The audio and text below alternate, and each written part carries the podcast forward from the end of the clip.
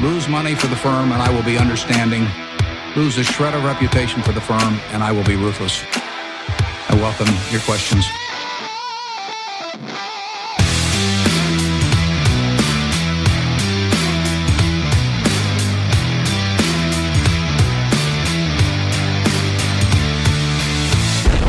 Hej och hjärtinnerligt välkomna till Kvalitetsaktiepodden. Det är jag som är Ola. Jag som är Marcus. Ja, och det är jag som är Klas eh, och jag är just nu 31 procent back I din lång... i min långposse i Humana här. Det var en bra... Tur att det bara var med en, ett, ett, lit, ett för dig litet belopp så att säga. Va? Jo, eh, det här kan bli spännande. Mm. Det är avsnitt 138 i alla fall, som släpps natten till torsdag den 16 mars och spelas in dagen innan. Eh, huvudnumret idag är ju naturligtvis vår intervju med Spiltans grundare och VD jobbonären Per H Börjesson.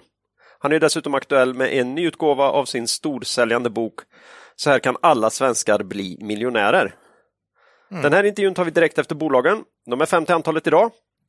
Och då klämmer vi in en prispressad nykomling där från Ja. vårt östra grannland. Och det är inte Ryssland. Det är inte Ryssland nej. Nej. Utan eh, det, är, det är Tokmanni. Ska vi våga avslöja det i det här läget? Tokmanni. Tokmanni. Tokmanni, tror jag de säger. Ja, ja då är det där igen ja. Men, men i, i, Uttalen. Ja, det är svårt. Vi frågade Google, men inte ens vi gick med på det uttalet. Nej. Eh, du var inne på Ryssland. Mm. Tråkigt nog så fortsätter de sitt vidriga krig i Ukraina. Vi uppmanar som vanligt alla som har möjlighet att skicka ett bidrag eller bli månadsgivare till någon seriös hjälporganisation med verksamhet som stöttar Ukrainas hårt prövade och tappra folk. Inte minst nu under den kalla och karga vintern. Ukraina, vi ser och vi glömmer aldrig. Jaha, Ola Marcus, vad tar ni med er från veckorna som gått sen senast?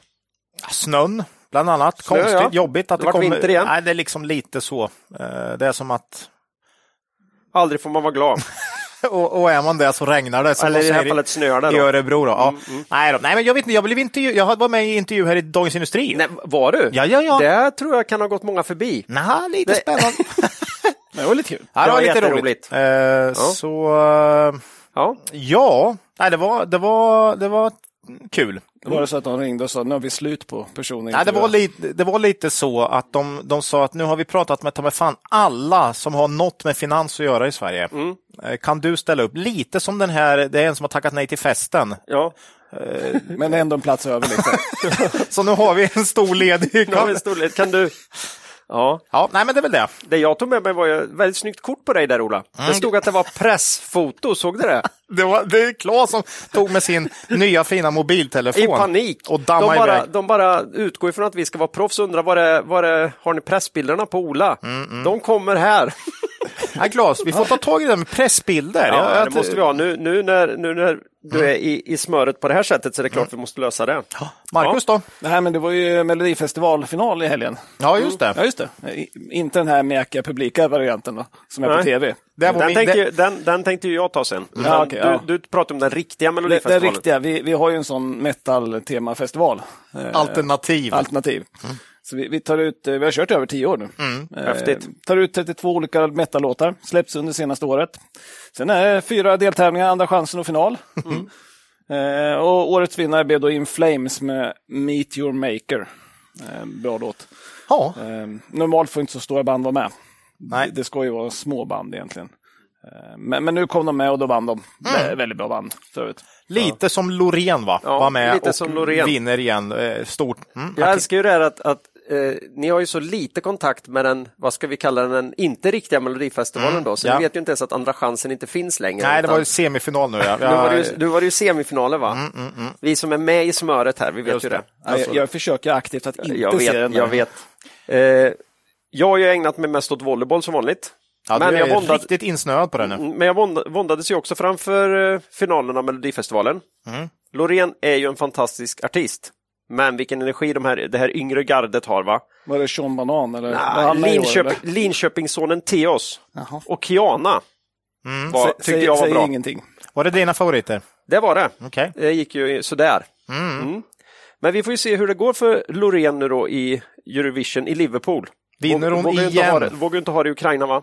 Nej. Förståeligt, så kör man Men då kan du kolla på fotboll i alla fall. eh, Ja, i Liverpool Ja, ja. Så de som är där kan ju passa på att dubbla då. Men då är ju frågan, Loreen, ska hon bli den första artisten efter Johnny Logan med två vinster?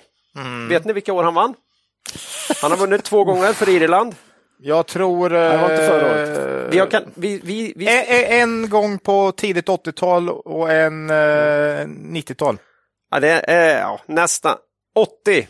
What's another year? Och sen 89. 87. 87. Mm. Ja. Hold me now. Oh, den gamla dängan ja. Den gamla dängan. ja. Men det här kanske inte är så intressant, för jag kan säga så här, några andra som definitivt hade vunnit om de nu hade ställt upp i Melodifestivalen. Peter och Håkan Peter och Håkan på Cavalier, Cavalier, det kan jag ja. säga er. Fy fanken, de har- hade tagit storslam. Ja, de hade, de hade både blivit ett och tvåa tror jag, även fast de var en duo i, och tävlat Ja. tillsammans. Men det då hade otroligt. faktiskt jag också kollat. Då hade du kollat Mm. ja. ja. Härligt. Eh, Peter och Håkan, eh, de utgör ju vår huvudsponsor Cavalier AB. Det är de som driver Cavalier. Eh, jag berättade om eh, dagens intervju då för Peter när vi talas vid, det gör vi ofta och han var jätteglad att eh, vi skulle ha med Per H. Peter och Håkan tycker han är en fantastisk investerare och människa också faktiskt och de gillar av naturliga skäl hans filosofi och långsiktighet. Och de har även flera gånger haft med citat från Perro i sina månadsbrev. Mm. Eh, vi har ju nämnt tidigare i podden här att eh, Paradox, där Spiltan är storägare, ett nytt innehav i fonden Cavalier Quality Focus. Mm. Sen början på det här året. Eh, eller kan det ha varit slut på förra året? Ja, det är en liten tid tillbaka. Eh, men det är ju faktiskt så att även själva bolaget Spiltan finns med i Cavalier Investmentbolagsfond. Mm, Och det är kul för det är få fonder som hittat eh, till Spiltan så här långt. Eh, Spiltan har ju en riktigt långsiktig filosofi och det passar ju som hand, handske, handen i handsken eh, med Cavaliers investmentbolagsfond. Mm. Det är samma tänk. Ja. Eh, och mer information om Cavaliers fonder och deras filosofi hittar ni på cavalier.se. Där hittar man också de här mycket informativa månadsbreven. Eh, investera i fonderna, Cavalier Quality Focus och Cavalier Investmentbolagsfond kan man göra både på Nordnet, Avanza och Saver. Och när vi pratar om fonder är det viktigt att komma ihåg att historisk avkastning i fonder inte behöver vara en indikator på framtida avkastning och att ni kan förlora delar av ert satsade kapital då fonder både kan gå upp och ner i värde. Tack säger vi till vår huvudsponsor Cavalier AB. Eh, vi vill ju som vanligt också tacka vår äldsta samarbetspartner Börsdata. Värdeinvesterarens bästa vän. Japp, och är man inte medlem på Börsdata än så blir det. Alla medlemsnivåer och priser hittar man på borsdata.se pristabell. Själva tjänsten hittar man eh, på borsdata.se terminal. Ja, där har man ju den här basversionen som alla får tillgång till. Mm. Men nästan lite för givmilda kan jag tycka. Ja. George och gänget, men det är ju så det Så är. är det ibland. Vad ska vi säga? Mm. Ja. Eh, jag säger att det är ett smakprov, det är nästan lite bättre än så tyvärr. Mm. Ja. En, Men så är det. en mumsbit då En kanske? mumsbit, ja. Tack säger vi till Börsdata. Ja, och innan vi går vidare i avsnittet vill vi påminna våra lyssnare om att aktieinvesteringar alltid innebär ett stort risktagande. Aktier kan både gå upp och ner i värde. Satsa därför aldrig kapital på aktier som du inte är beredd att förlora. Det vi säger i podden ska aldrig betraktas som köp eller säljrekommendationer. Gör alltid din egen analys av bolagen innan eventuell handel. Jaha, då är det aktuellt då. Ja. Macke, take it away. Jo, nej, precis. Jag, jag kollade upp utvecklingen sen sist. Då. Eh, minus 5 nu. Så nu har det hänt lite grann. Men har, du Ja, kollat bara- de, har du kollat de senaste fem minuterna? Nej, jag, jag, jag skrev faktiskt minus 4 på förmiddagen, så jag fick ändra sen. Idag är Ja, börsen idag är- ner 3,5 procent nästan här då. Ja, Ja, det är ju ganska kraftigt får man Ja. säga. Idag är det fan inte muntert. Nej. Nej, men eh, ja, det, det här börjar egentligen 10 mars då. Den amerikanska banken Silicon Valley Bank, SVB kommer vi kalla dem. De fick finansiella proble- problem, drog med sig en massa andra bankaktier. Eh, Credit Suisse var ner jättemycket idag såg jag. Eh, och hela marknaden. Då. Eh, som jag förstår det är problemet att många förluster på obligationer då döljs av redovisningsreglerna. Jag har ju ganska länge nu varit förvånad över vart är alla förlusterna på obligationer. Ja, Man har ju sagt det var ju sämsta året förra året för obligationer på 30 år och det är enorma förluster, men de syns inte. nej. Ja, De är bara borta. Ja. Det är ing Inget problem. Ingen sitter med Svarte Petter. Nej. Nej, det är ganska konstigt. Ja. Ingves tog med sig dem när han gick. Okej, Inga problem. snyggt, snyggt. Nej, men om du har en obligation och räntan går upp så faller obligationen i värde. För att du kan istället köpa en annan då och då faller den som du har så att säga. Eh, obligationsfonder funkar det ju på för de har ju marknadsvärdering. Det har man ju sett, de har ju gått dåligt. Då. Ehm, men om du däremot håller obligationen till förfall då, då får du tillbaka dina pengar och du får räntan.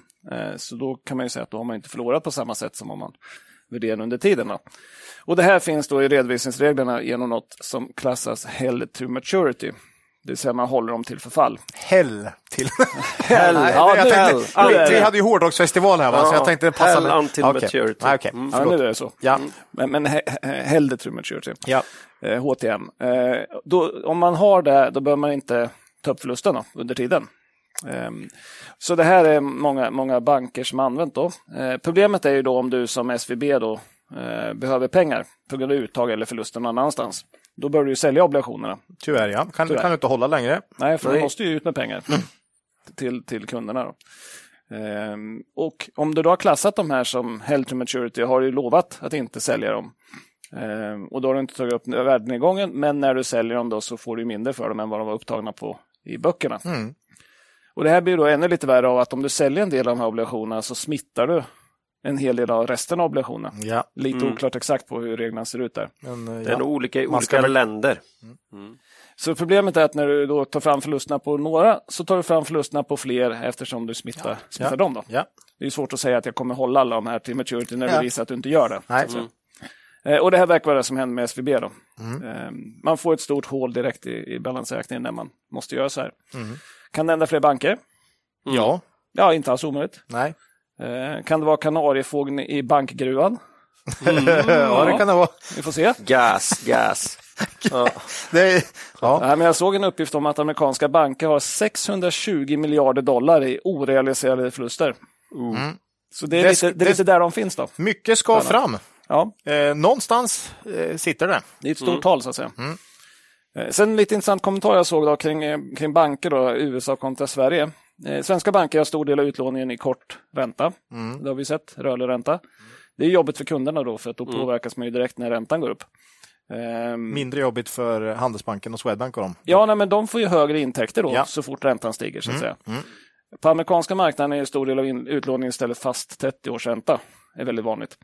Eh, Det är ju bra för de som har lånat pengarna för då får inte de hö- höjda kostnader lika snabbt. Då. Men banken blir mer sårbar för att den får ju inte ökade intäkter Nej. på samma sätt. Då. då kan man inte höja inlåningsräntan i samma takt som räntan går upp. Eh, Då kanske folk tycker att varför ska jag ha ett sånt här konto om jag inte får någon ränta? Tar man ut pengarna och vill köpa en obligation, då, en statsobligation som har gått upp mycket, och nästan 5% nu tror jag. Men det här är ju då ett utflöde från banken. Om de inte kan matcha flödet på något annat sätt, ja, då kanske de måste sälja sina obligationer. Då. Och igen, om de då är hold to maturity så kommer man kunna få ett problem här. Då. Ehm, så vi får se hur det utvecklar sig. Ehm, men hela den här historien om SVB då är ju ett talande exempel kring varför vi inte håller på med bank och finans. Nej. Och, och, många, och, och många säger att eller man glömmer bort det här mellan, för det är inte varje år Nej. sånt här händer. Men om, om det händer någon gång med någon form av liksom återkommande tidsperspektiv så, så är det inte något för oss. För man vet ju inte om man råkar sitta med det just när det händer. Liksom. Dessutom är det, ja, är, nej, banker är inget för oss. Finansiella bolag är inget för oss. Det är ett spel på räntan Ja. som vi har svårt för. Ja, Plus att eh, ja, det går bra, går bra, eh, sen går det åt skogen. Det här var Mm. Lite så. 18 största banken tydligen, ja. såg jag. Och den bara gick under på, på någon dag. ja det går precis. Därför vi aldrig äger banker. Ja, spännande. Nu har vi också slaskat bort våra fem minuter makro vi får prata om i den här podden varje år. Fy fan, det Så är nu hårt det. blir det inget mer. Men det är ju bolag, för jag skulle säga att den sortens risk finns inte i bolag som vi tar upp som Ah, Där räddade han hela grejen. VBG och Så Skandia. Jag och så tänkte ju annars komma in. Förra gången vi pratade var när Lehman Brothers gick omkull. Ja. Gick omkull. Nu, och sen kan ni vänta då 15 år till. Men då hade vi ju ingen podd. Nej. Faktiskt. Nej. Nej, men, och sen kan man ju inte låta bli att undra vad Alecta håller på med. Ah, Nej. Så, sålde aktierna i svenska storbankerna för att investera i amerikanska nischbanker som nu har imploderat, imploderat fullständigt. Då. Och en av dem var ju tydligen också den här kryptobanken, Signature Bank, där man hade tryckt in 3,2 miljarder. Tyckte man var en bra Av investering. svenskarnas spar. Pensionärernas Pensionär. sparmedel. Handelsbanken var ju för tråkigt. Varför är vi home bias? Varför investerar vi här för? Jo, för att vi tycker vi hyggligt kan förstå verksamheterna. Eh, Och dessutom vi, i branscher som vi upp, uppfattar som rimliga att göra analyser på. Det- vi är ju oerhört... Väl, vi väljer bort mycket. Ja, Helt men, eh, vi har ju tagit upp det här eh, tidigare, ju, det här med home bias. Eh, jag började ju in- intressera mig ordentligt för investeringen 2017 ungefär när vi började med den här podden då. Det vet de som har lyssnat på de tidiga avsnitten. Och jag har skämts ibland när vi har haft olika gäster och vi har haft det här liksom, varför är ni så home biased? Vi får frågor. Ni är för tråkiga liksom. Och, så.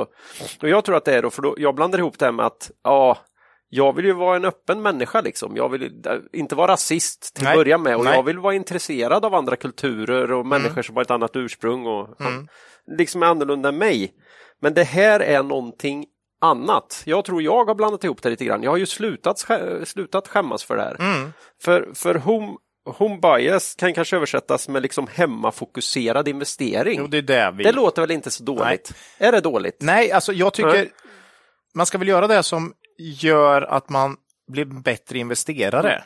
Och, och där tycker vi ändå att det ger en bättre avkastning om vi fokuserar Ja. mer än att, liksom, det är ju inte så att vi inte gillar Frankrike. Det, det, har, det har ju inget med det att göra. Vi gillar ju Frankrike, Ja, men, ja. men just att vi tror att vi kan göra bättre investeringar i Norden. Och Ja, och att- till lägre risk. Till Ja, lägre det är- risk. Ja, det är det. Och det är ju risken som är den stora grejen här. Och den hade väl Alecta kanske inte tänkt på när man bytte Nej. bort Handelsbanken mot de här amerikanska nischbankerna. Nej. För, för jag tror att många då, till exempel Alecta, skulle ju må bättre av att fokusera på den stora risken som finns ju i, i som jag vill kalla borta blind-problematiken. Där ja, men vdn försvarar sig med att, jag vet inte, här kan, kan vara felaktigt citerad i, i DI, men han säger vi trodde att det var fina bolag. Vi trodde att det, folk betalar dig en pisshög lön för att ta hand om deras pengar. Du har fan inte rätt att gå omkring och tro saker. Nej, du ska, du, Du ska veta, så tar du pengarna från Handelsbanken och stoppar in dem i den här skiten, då ska du ju veta, det är inte skit men det var ju ett läge nu. Det var ju inte okänt för den som var insatt här att det fanns Nej. risker i de här Nej. bolagen. Nej. Ja, det Naturligtvis. finns i alla fall andra som säger att man kunde ha sett det här lite grann Ja. och de hade fått någon varning och lite så här. Så att, Ja. Nu, nu smäller väl Handelsbanken imorgon då på samma grej och så får jag Jo. sitta Men då tar jag det. Ja. Nej men jag säger så här, skomakare bli vid din läst, för gräset är inte grönare på andra sidan när du går över ån efter vatten. För då kan du nämligen trilla i och bli blöt helt i onödan. Och det är ju jätteotrevligt, eller hur? Ja. Vi, vi tror ju att det är svårare att bedöma risken när man är långt hemifrån. ja, det är Ja, fullt rimligt. Ja, vi har ett litet exempel på det. Jag vet inte om vi Vi har många Ja, exempel. vi kan toucha på den, nu ska prata Tokmanni sen. Ja. Vi fick en liten sån uppenbarelse idag när vi pratade om dem. De flesta svenskar vet vad ÖoB har för sortiment. Mm. För man har kommit i kontakt med det. Ja, Eh, Tokmanni är lite svårare för oss svenskar för vi har aldrig varit inne i en Tokmanni-butik. de flesta har inte det och Nej. har vi varit där var det på någon semester för länge sedan. Ja. Så, så att det, det, bara det visar på en sak. Ja, Och eh, jag kommer ju ta en del om, eh, prata lite amerikanska eh, Storbolag sen. storbolag sen också, vilket kommer som en chock här för många säkert. Men, men det är också, har, har också att göra med home bias. det, det blir en liten cliffhanger. Det blir en cliffhanger. Ja, nej, förlåt. Ja, Ja, så slutsatsen var i alla fall vi kommer fortsätta hålla oss i Sverige och lite i Norden. ja, det kommer vi. det, Så var det. vi kan definitivt hugga något bolag eh, någon gång, men då är det för att vi då uppenbarligen kommer tycka att det här, det här förstår vi och vi, Ja. vi har transparens här. McDonalds kan jag känna att jag fattar hyggligt. Om det nu. Till exempel. Okej. Ja, eh, om vi går vidare då, så att, eh, liten kommentar kring förra podden då. Eh, det var ju en del kursrörelser, särskilt i Svedbergs, efter vi släppte podden. Då. Eh, vi meddelar ju podden alla gånger när vi pratar med ett bolag om vi äger aktier eller inte. Eh, av transparensskäl, så att de som lyssnar vet om vi har ett innehav eller ej. Viktigt, eller sk- så ska det vara. Ja, så gör vi. Eh, för då kan man ju lägga med det i sin egen analys kring liksom, de argument som vi för fram. Så att säga. Eh, Vi sysslar inte med rådgivning, vi trycker på att alla måste göra sin egen analys. Ehm, Sen har vi noterat såklart, som i fallet med Svedbergs, att det kan bli en tydlig reaktion dagen efter podden. Mm. Eh, Bland annat därför så släpper den när börsen är stängd. Ja, Det är en sån sak. Eh, Sen har vi tagit på oss egna regler också. Att vi handlar ju inte en till två veckor efter en aktie varit med i podden om vi haft innehav i den. Ehm, och en till två veckor beror lite på storlek på bolaget. Mm. Ehm, och efter så lång tid så borde ju kapeffekten, om man kan kalla den så, ha klingat av då. Ja. På samma sätt som en tidningsartikel brukar ju ha en effekt en dag eller två kanske. Ja. Och sen klinga av då så att säga. Mm. Vi har ju inte sett några andra poddar eller bloggar eller något liknande ha liknande regler, utan det är något som vi har tagit men på det oss kan själva. de mycket väl ha. De De, kan kanske ha det. bara låter bli att säga det. ja. De är inte så, de är inte så tydliga med det i alla fall. Nej.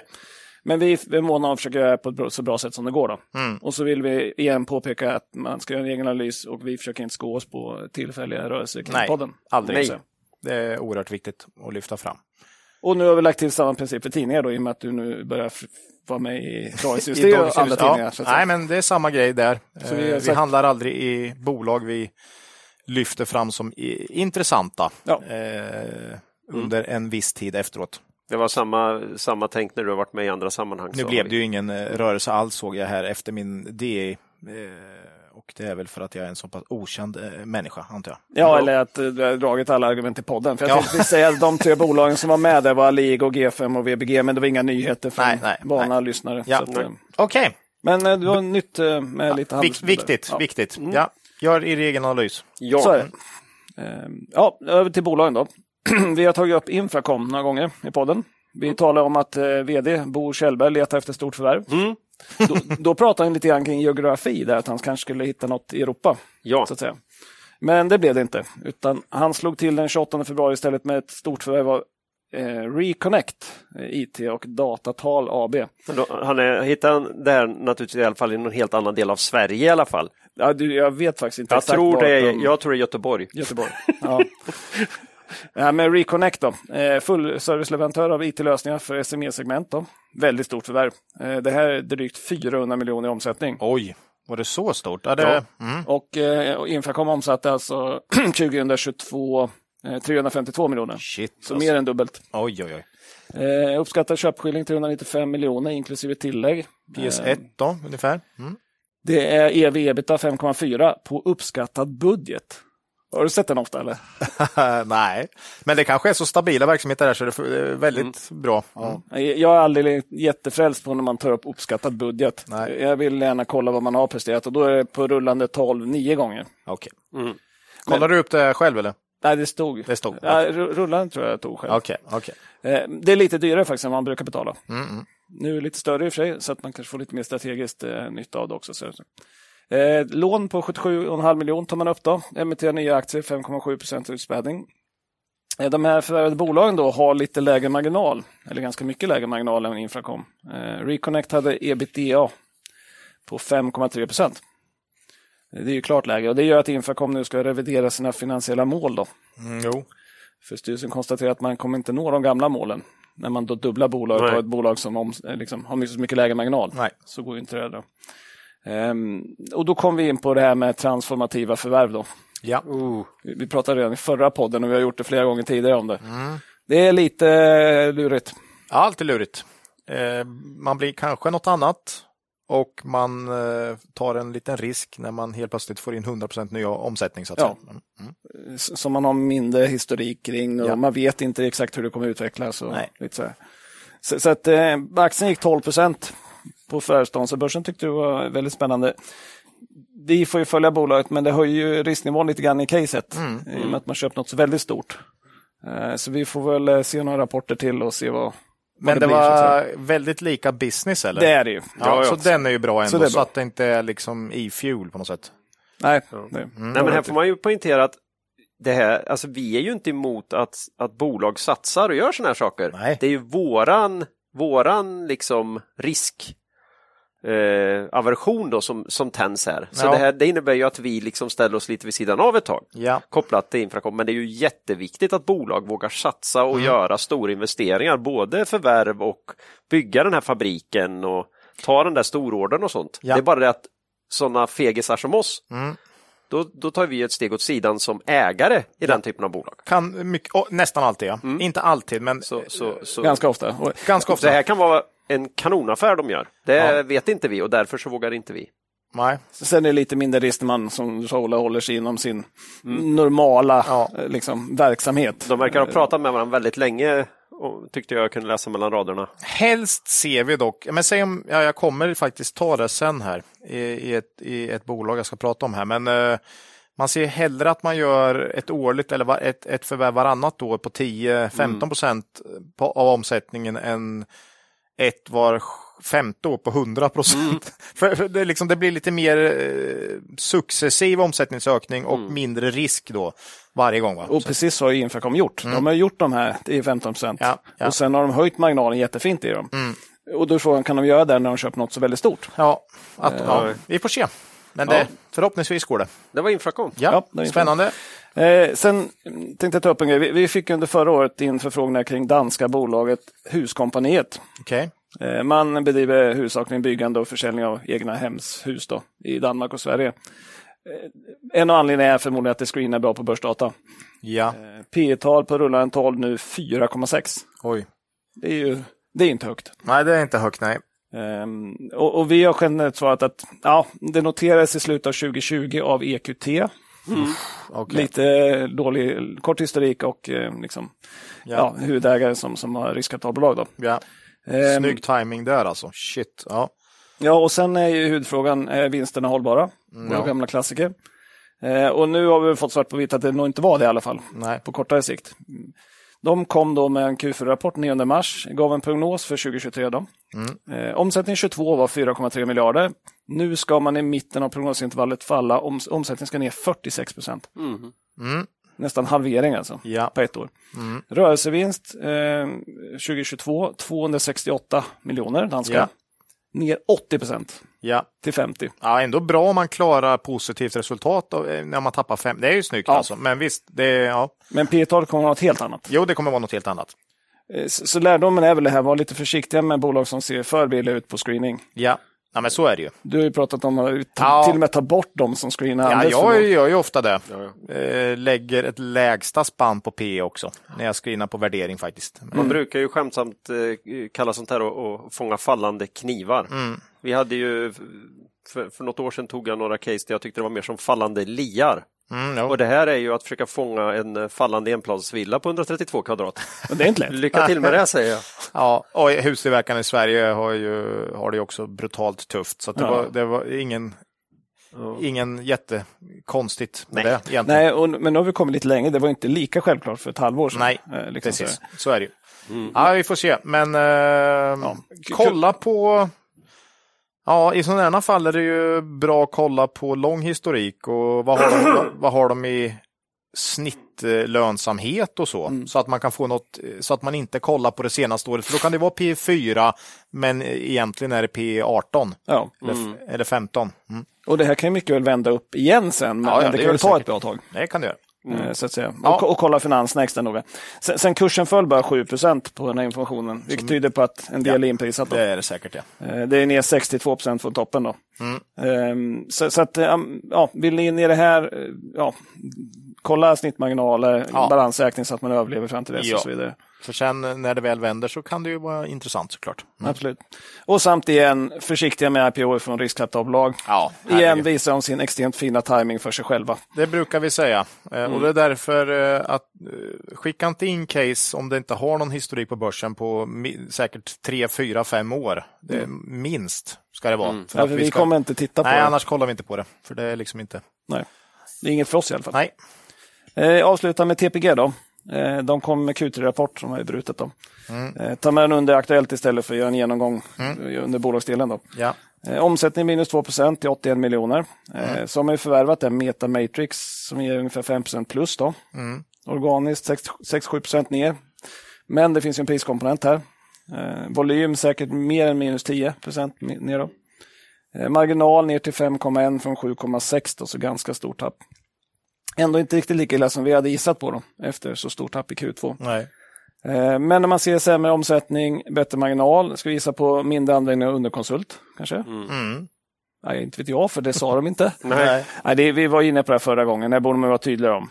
Eh, kollar man på Devport till exempel, som vi också har tagit upp, de har ju väldigt tydliga, liksom, exakt antal underkonsulter i varje rapport och så vidare. Ja. Så kan man ju räkna på det själv. Så att säga. Eh, Men tittar man i Q4 då på kostnaden för underkonsult i resultaträkningen då, så stöder tesen. Eh, Den här posten var upp 74 i Q1, 56 i Q2, minus 5 i Q3. Ja. Så det, man kan ju se det där, men Ja. man kan lika gärna skriva om det. Ja. Eh, Sen talar man om god efterfrågan inom finans och försäkringssektorn. Jag blir ibland så här, då gör jag en motsatsvis tolkning till att det inte är så god efterfrågan inom de andra sektorerna. för, för det är lite grann så där. Ja. Och vissa bolag, lite grann här också, byter man ju. Det är bra, det är bra fart här. Mm, Det är ja. bra fart här. Mm, men säg inte vart det är sämre. Ja, varför tog ni inte upp den som ni tog förra gången? Ja. Då? Förmodligen för att det inte är riktigt lika bra längre. Nej, nej. Ehm, sen, sen var man lite försiktig också. Man talade om att det fanns ett stort överutbud av konsulter. Det har vi talat lite grann om tidigare. Ja, Ehm, det där blir spännande under 2023. Ja, Se vart det landar. och det ligger, vi har ju lite försiktig inställning till konsulterna Ja, det har vi. eh, under året. Mm. Eh, Får se vad det tar vägen. Eh, kursen på rapporten gick ner 12 procent, så marknaden tyckte inte heller det var så kul. Nej.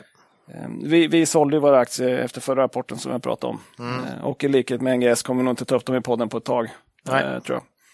Kanske, nej. Det, Definitivt. det måste bli någon ja, ordentlig till förbättring. något, ja. Möjligtvis som någon spännande nyhet. Ja, Ja. kanske. Jag har en mindre post i pensionssparet, den får väl ligga kvar där.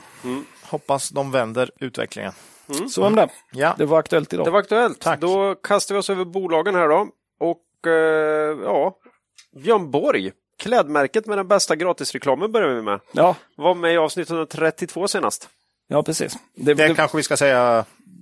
Ja, det är ju eh, Lionel Messi här då som... eh, Nu avslöjar vi- du hela den grejen. Tänk om han ja, inte du, ville kan veta. ta, den, du kan ta den. Ja, okej. Messi kanske inte ville att folk skulle veta att han använde Nej, men kanske eh, det, det kanske är många lyssnare som inte har koll på det. Nej, men eh, Björn Borg har ju... Ja, det är ju ganska häpnads konstigt i alla fall att en så superkändis har Björn Borg-kalsonger och då och då syns det där. Fra, I bild. liksom, ja, fotbollsshortsen åker ner lite och så... Jag, jag såg någon bild som jag tror var från VM-finalen faktiskt, när han torkar, tar tröjan och torkar sig liksom. Ja. eh, om, om Han är ju så liten också så han har väl mediumshorts så- som, som många andra men de åker liksom... Det är De perfekt för sitter Borg. jättelångt upp. Ja. Som en, ja, Nej, då. Nej, men så att där har ju Björn Borg fått väldigt bra gratisreklam för de eh, hävdar att de inte har betalt en spänn för det här. Ja. Utan att eh, Lionel Messi beställer på borg.com. Det är häftigt. Fantastiskt. Okej. Ja, nej, men de var med efter Q3 då. Eh, det vi konstaterade att bolagets resultat påverkas kraftigt av dollarn. Då. Eh, Inte så konstigt, men underliggande verksamhet rullar på bra. Egen e-handel gick bättre än många andra e- e-handelsbolag. Då. Ja, verkligen. Hur såg det ut i Q4 kan man fråga sig. Eh, jo, men det var lite bättre än våra förväntningar faktiskt på omsättning. Eh, 198 miljoner, plus 10 procent från förra året. Eh, valutaneutralt 3,6 3,6 procent upp. Då. Eh, svag krona är generellt sett plus på omsättningen men minus på resultatet i Borg. Då Ja. kan man ha med sig. Eh, underkläder minus 2 procent. Och det är ju den största delen i Borg. Eh, men sport plus 9, skor plus 24, övrigt 46 plus. ja, lyckas jäkligt bra där. Med lite annat. Borg är lite så att underkläder är 50 ungefär va? Eh, och det håller bra det där. Det är något stabil bas att bygga på men att man gärna vill se de andra grejerna växa lite också. Ja, särskilt sport skulle man Sport ju, vore liksom, kul. Det är det de satsar hårdast på. Och det rimmar ju mest med Björn Borg också. Ja, det gör ju det egentligen. att, ja. Jag känner ibland att jag själv försöker hålla uppe väskförsäljningen åt Björn Borg. Ja, jag fick faktiskt en Björn Borg-väska här i julklapp då. Eh, ser. använde jag nu, jag är jäkligt nöjd med den. De sa ju under Q4 att framförallt väskor gick starkt, så det kanske var din. Det, Det är väl min. Ja, det var det. det, är lågkonjunktur så en väska, En väska. gör skillnad. Ja. Ja. Eh, E- E-handelsområdet då, det är ju deras egen e-handel plus e-tailers som Zalando. Eh, Stod för 39 procent, eh, upp från 35 förra året. Nästan 40 procent alltså. Ja, det är rätt bra. Här sa man att e-tailers hade ju väldigt tungt i Q2, det pratar vi om då. Eh, Men att de återhämtar sig när de kunde reducera lagren då efter pandemin. Då. Eh, Lite intressant, Borgs egen e-handel då, 13 procent upp under hela 2022.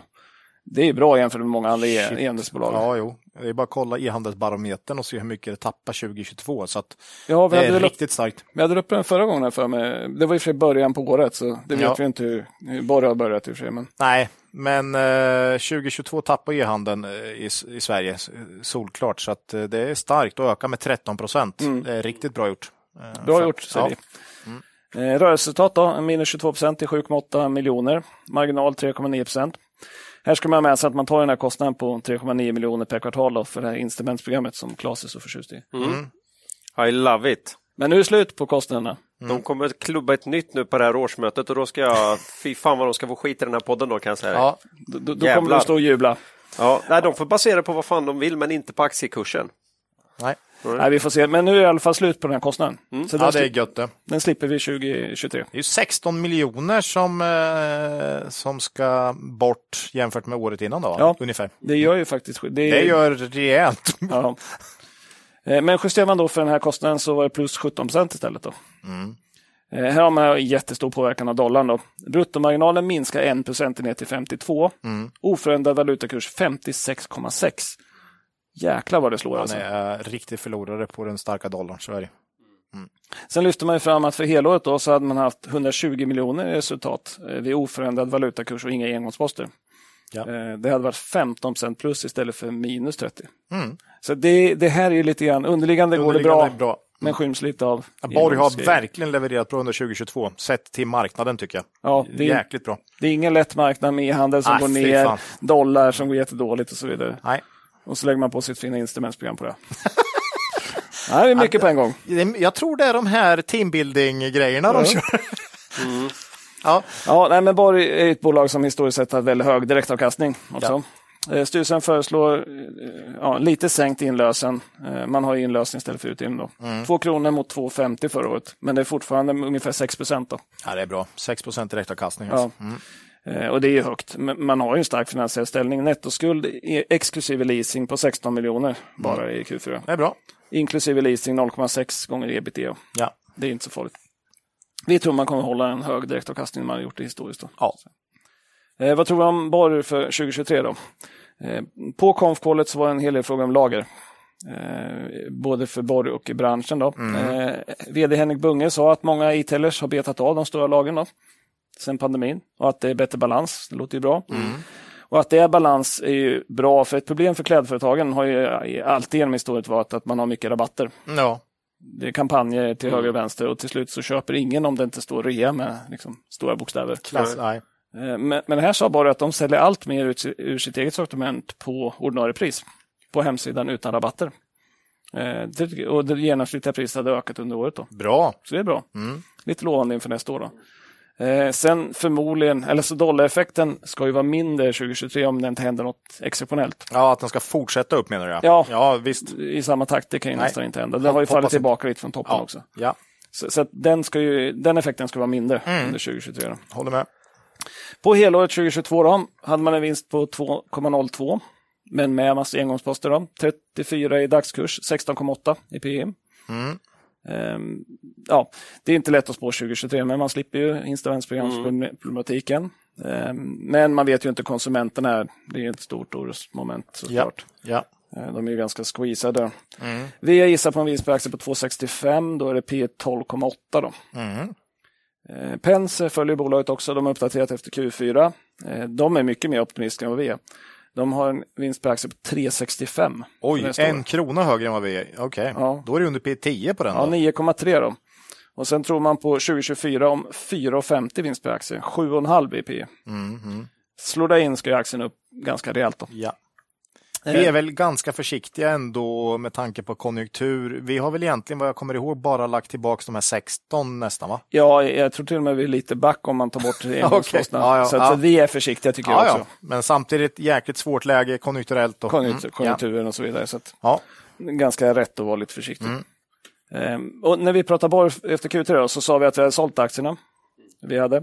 Vi sa att det berodde på tidsperspektivet. Vi var väldigt osäkra på, det var ju två rapporter i rad med vinstminskningar eh, som vi inte visste hur marknaden skulle ta. Då. Nu har man klarat av en av dem. Och lite bättre än vad, vad vi trodde. Q, Så- Q1 ser fortfarande jobbig ut. Om Q1 ser jobbig ut. Men vi köpte ändå tillbaka aktier i Borg här då. Eh, Den här gången lite dyrare än vad vi sålde förra gången, några kronor. Det har vi inget problem med. Nej, men vi gör ju så ibland. Ja.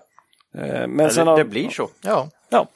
Nu är vi inte lika oroliga eftersom vi har en dålig rapport. bra utdelning kommer vi få. Kom, ja, precis. Han, han, ni vet att det kommer komma i mediumboxer, hela utdelningen. Vadå? Eh, SBB skulle ju köra ut aktier vet du, istället. Och Björn Borg kör ju allting i mediumkalsonger. Har ni inte hört det? Fan vad mycket Ja, alltså. men, men det gör inget. Får man välja färg eller hur funkar det? Det är fan en årsförbrukning på kallingar. Års...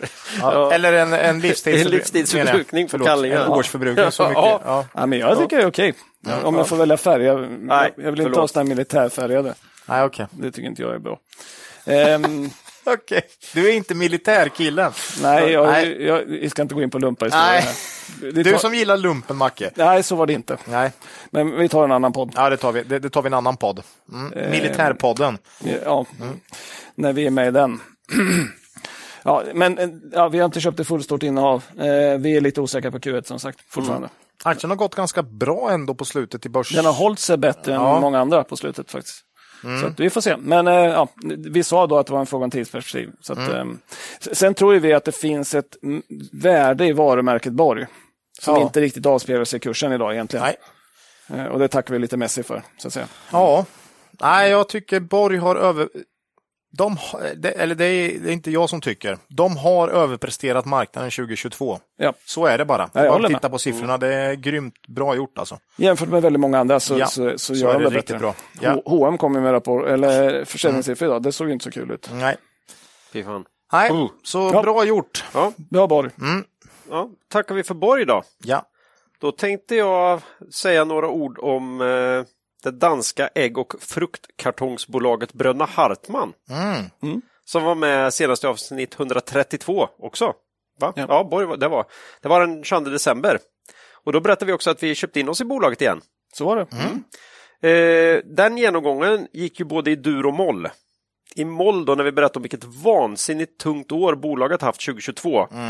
Eh, och i dur då, för att vi i den höjda prognosen eh, från bolaget i samband med Q3-rapporten såg tecken på en eh, kommande bra Q4. Som vi tolkade som att bolaget börjar komma ikapp med nödvändiga prishöjningar. Och kanske till och med var att bolaget var på väg upp på banan igen. Det. Eh, Och vi fick ju också vad vi trodde en mycket trevlig present den sista februari i år då. I form av en vinstuppjustering i linje med vad vi hoppades på för eh, Q4 och helåret 2022. Allt väl så långt då. Man Ja. landar väl till och med över högsta intervallet på Ja. marginalen och så. Så Ja. det är fantastiskt ut. Så fantastiskt. Vi skruvar försiktigt upp våra prognoser och tänkte att 2023 eh, ja, kommer kunna bli bättre än förväntat. Man hade kommit ikapp med prishöjningarna och eh, insatsvarorna hade ju börjat sjunka, sjunka tillbaka. Det visste ju, vi kunde ju se att trenden fortsatte ju in i 2023. Definitivt. Toppen! En vecka fick vi vara glada. vi, under den tiden fick vi se aktien gå upp med 16 procent fram till rapportdagen den 7 mars. En vecka efter vinstuppjusteringen. Det här borde vara en icke-händelse kan man tycka. Vilken ny info skulle möjligen kunna finnas här som, som helt vänder på caset igen? Ja, det hade väl vi på känn. Det enda som kunde göra det var väl outlooken va? Så var det. Det var lite... Det, det är det som är lite spännande med, med finska och danska bolag Ja. som ger outlook. Ja. Var vi inne på det också. Liksom. Lite samma grej. Bra Q4, en sva eller vad heter soft brukar man säga. Soft outlook, aktien ner. Aktien backas eh, 15 procent på rapportdagen. Nej, mycket. Det fanns två anledningar skulle jag vilja säga. Det en, dels var det ju faktiskt eh, lite grann tror jag de här ytterligare avskrivningarna i Ryssland men även verksamheten i Brasilien som man nu börjar eh, skriva ner goodwill i. Det var ett ganska stökigt kvartal. Det Ja. var nedskrivningar och det, Ja, det var, var liksom, rejält stökigt. Det, det förvärvet för Brasilienförvärvet är ju lite gammalt nu. Det är ju årsskiftet 14-15. Och inget av det här eh, framgick ju en vecka tidigare. Nej, och, och det är väl där vi eh, har lite emot hur man har informerat. Men vi kommer att återkomma till det i och för sig. Ja, för den här outlooken var ju en riktig stämningssänkare. Eh, de var ju mycket mer pessimistiska än man kunde anta då efter de här, den här starka Q4. Och man anger en marginal mellan 5,5 och 8,8 procent. Mm. Det är inte bra. Historiskt har man ju legat över 10, 10 procent här. Ja. Eh, vi gissar på nu att de kanske kommer in på 7,8.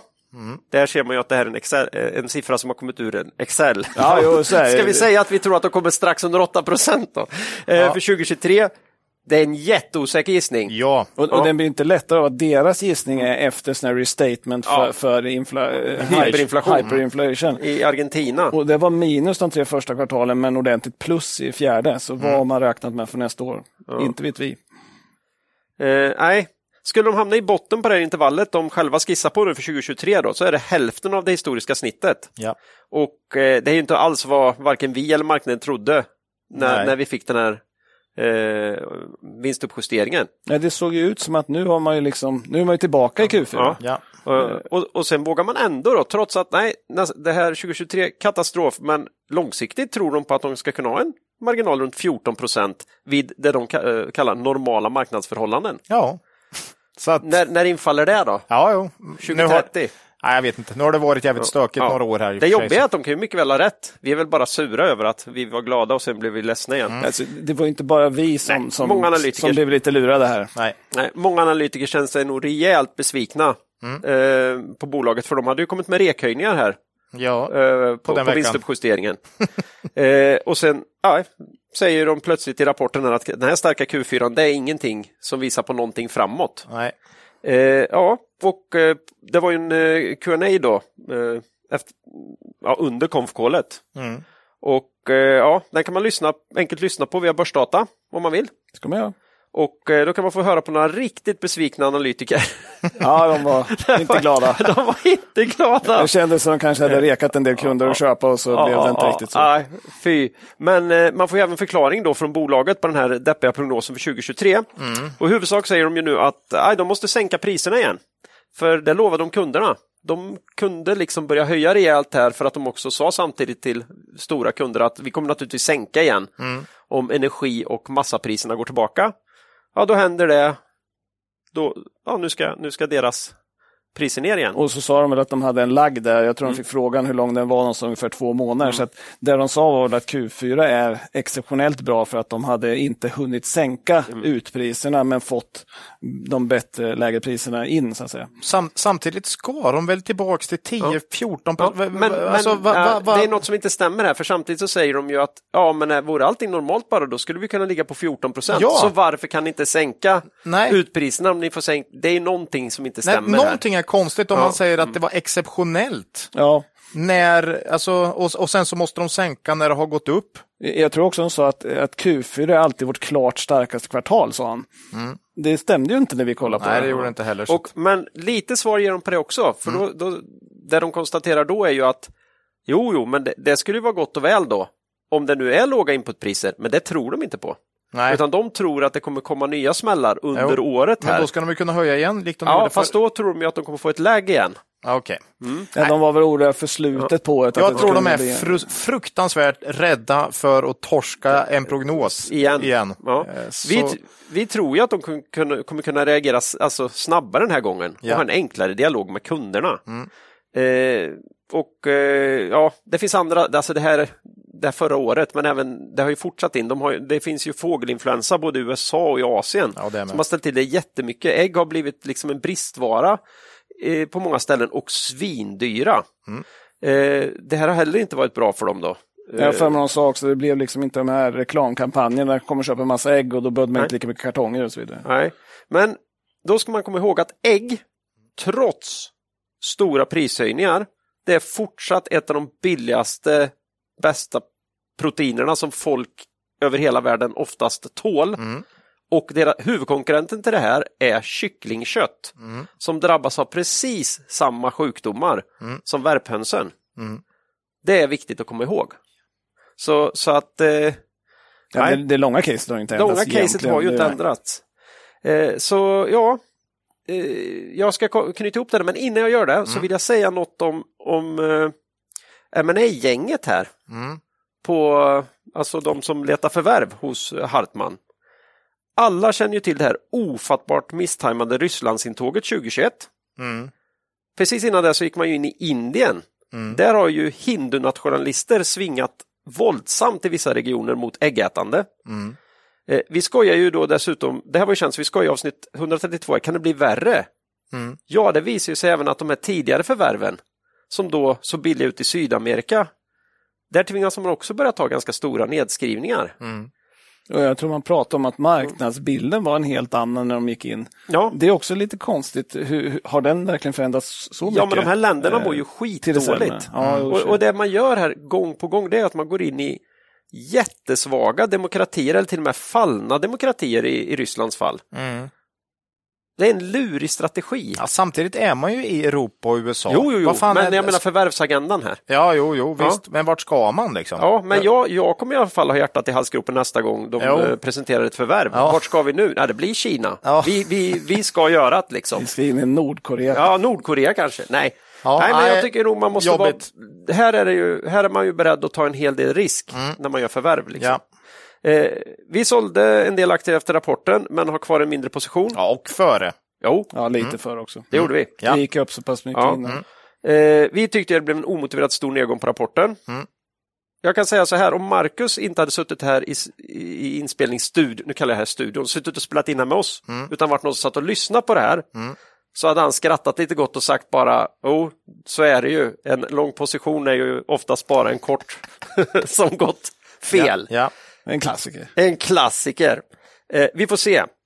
Eh, Hartman har ändå kvaliteter som vi gillar i en eh, osäker värld, med, särskilt när vi har lite dålig koll på konjunkturen. Så gissar vi att folk ändå kommer vilja äta. Ja, Mm. Hartman ser jag som en oerhört stabil verksamhet med en ganska rörig bokföring. Ja, Eller redovisning ska jag säga. Eh, Och- inte bokföring, eh, men redovisning. Ja, eh, Eh, eh, men jäkla stabil business och kolla bara historiken på omsättning. Det är ju, den tappar ju aldrig omsättning. Brasilien kanske inte kommer få samma hyperinflation, även om det är politiskt väldigt stökigt i Brasilien, så är ju den här hyperinflationen som finns i Argentina beror ju på att man har en enorm statsskuld vad jag förstår. Ja. Och, och de klockar ju in 100 year to year här nu i början på 2023. Så att det är ju inte helt lätt att ha det som en stor marknad naturligtvis för Hartman. Men sen blir det lite minus på att man i den här vinstjusteringen inte sa det som man sen sa en vecka senare. Ja, ja det var ju Det är, det jättedåligt. är katastrof faktiskt. Eh, När man släpper den vinstuppjusteringen så borde man ha sagt det här Det här- tror vi dock inte är uthålligt om vi ser till inled eller hela 2023. Mm, För det sa man en vecka senare Ja. sen. Det jobbiga för marknaden var att Q4 var ja, liksom tillbaks till normala. Mm. Det var bra. Ja, Okej, då tänker man att nu är det som det normalt är, då ska det tillbaks ner igen. Ja, så, Ja. Och då måste man säga det när man går ut med den informationen. ja. Vi trodde väl inte att Q4 var att så här blir det rakt av. Men inte att det Nej. skulle liksom kanske till och med bli sämre Nej, än innan. än innan. Ja. Ja. Nej, men det Så- långa caset tycker vi inte har ändrats. Det var Hartman. Där Eh, äger vi ja, en del, inte mycket. bröderna Ja. Hartman ska man väl säga. Eller, eller ska vi säga Hartis som du brukar Hart, säga Ola? Hartis. Eh, Vi äger en del, eh, En del äggkartonger. Hartis. Mm. Ja.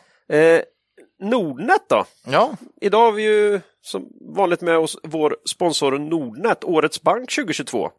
Och idag tänkte vi prata lite mer om deras fina eh, Private Banking-tjänst. Eh, private Banking som koncept är ju inget nytt, det har funnits ja, typ ja, alltid. Eh, det här är ju en hemvist för bankernas mer förmögna kunder. Eh, serv- servicen är högre och möjligheterna fler. Men då kommer det ju nästan alltid med höga avgifter också. mm. Eh, De flesta private banking-aktörer tar nämligen bra betalt i form av både fasta och rörliga avgifter. Har man mycket pengar resulterar det naturligtvis i höga kostnader. Men våran eh, partner här då, Nordnet, har gjort precis tvärtom. Man betalar inte en krona för att vara kund hos private banking. Istället får man lägre priser och förmånligare villkor. Eh, till Nord- Nordnets private banking välkomnas alla med samlade tillgångar om 2,5 miljoner eller mer. Private banking är ett heltäckande koncept som inkluderar allt från investerings och skatterådgivning till un- unika placeringserbjudanden och kundträffar. Eh, istället för att betala en fast årsavgift plockar man helt enkelt ut de delar ja, man har behov av. Mm. Tänkte lyfta fram eh, eh, tre fördelar som vi gillar särskilt mycket här nu då med Nordnets Private Banking. Ja, men, absolut. Ja, men vi gillar ju när man kan spara en peng. Mm. Vi gillar att spara en peng. bra. det är trevligt. Eh, Och som private banking-kund så har man ju rabatt på courtage, utlåningsräntor, specialränta på sparkonto, ISK och kapitalförsäkring. Mm. Det är alltid bra.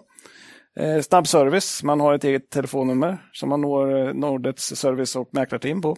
Japp. Hjälpa till med frågor från allt från praktiska saker till eh, frågor om börs, pension, specifika investeringsmöjligheter och sånt. Mm. Eh, och slutligen hjälp i orderläggning. Eh, Nordet kan man få hjälp att köpa och sälja stora aktieposter via algoritmer, dark pools, men framförallt block då. Block tycker vi är någonting som är ja, väldigt användbart, som vi använder oss av mm. skapligt ofta. Det är ju då när man ber någon annan att samla ihop mer aktier utanför börsen. Då. Som, om man inte orderboken är lite klen då, så att säga. Det är en väldigt bra service. Ja. Och det är något som normalfallet kanske mest större institutionella, institutionella investerare och professionella investerare använder. Då. Ja. Men Och det är ju, man mö- möjlighet till det. ja, och det är ju användbart man är private banking-kund och det är lite låg likviditet i något man vill in i. Ja, precis. Då är det bara att ringa så kanske de kan lösa ut det. Ja, eh, Nordnet erbjuder verkligen den här nya generationens eh, private banking. Vi hade väl inte förväntat oss något annat av årets bank 2022? va? Nej. Nej. Eh, man kan läsa mer om det här och anmäla intresse på nordnet.se pb. Eh, Men då ska man komma ihåg att finansiella instrument både kan öka och minska i värde. Det finns en risk att du inte får tillbaka de pengar du investerar. Tack säger vi till Nordnet. Nu då? Eh, ska det bli Scanfil? Och inte Ola. Nej. Det är du som brukar ta dem. Men... Ja, Eh, det här är kontraktstillverkaren. Du får inleda ett litet Finlandssegment i dagens eh, bolagsgenomgång. Eh, vi är ju lite bitter över att ständigt ligga steget efter i Note. Så då har vi som bekant hoppat på Scanfil-tåget istället. Då undrar jag Macke, lever de upp till våra förväntningar? Senast med avsnitt 129. Ja, men precis. Och då stod kursen i 5,9 euro. Mm. Eh, motsvarade 10 på våra prognoser då, för 2023. Eh, vi sa då att det var en låg värdering. Scanfil kändes eh, som bäst risk-reward, sa vi, inom den intressanta EMS-branschen. Och aktien har gått upp eh, 28 procent på fyra mm. månader. Så det är Inte rätt, dåligt. Det är rätt bra, får man säga. Och hur såg eh, Q4-rapporten ut då, kan man fråga sig. Jo, nej, men omsättningen eh, 222 miljoner euro, plus 16 procent.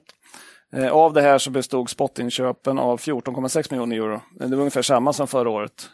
Men är ner en hel del från Q3 och ner väldigt mycket från Q2 när det var nästan dubbelt på 30 miljoner euro.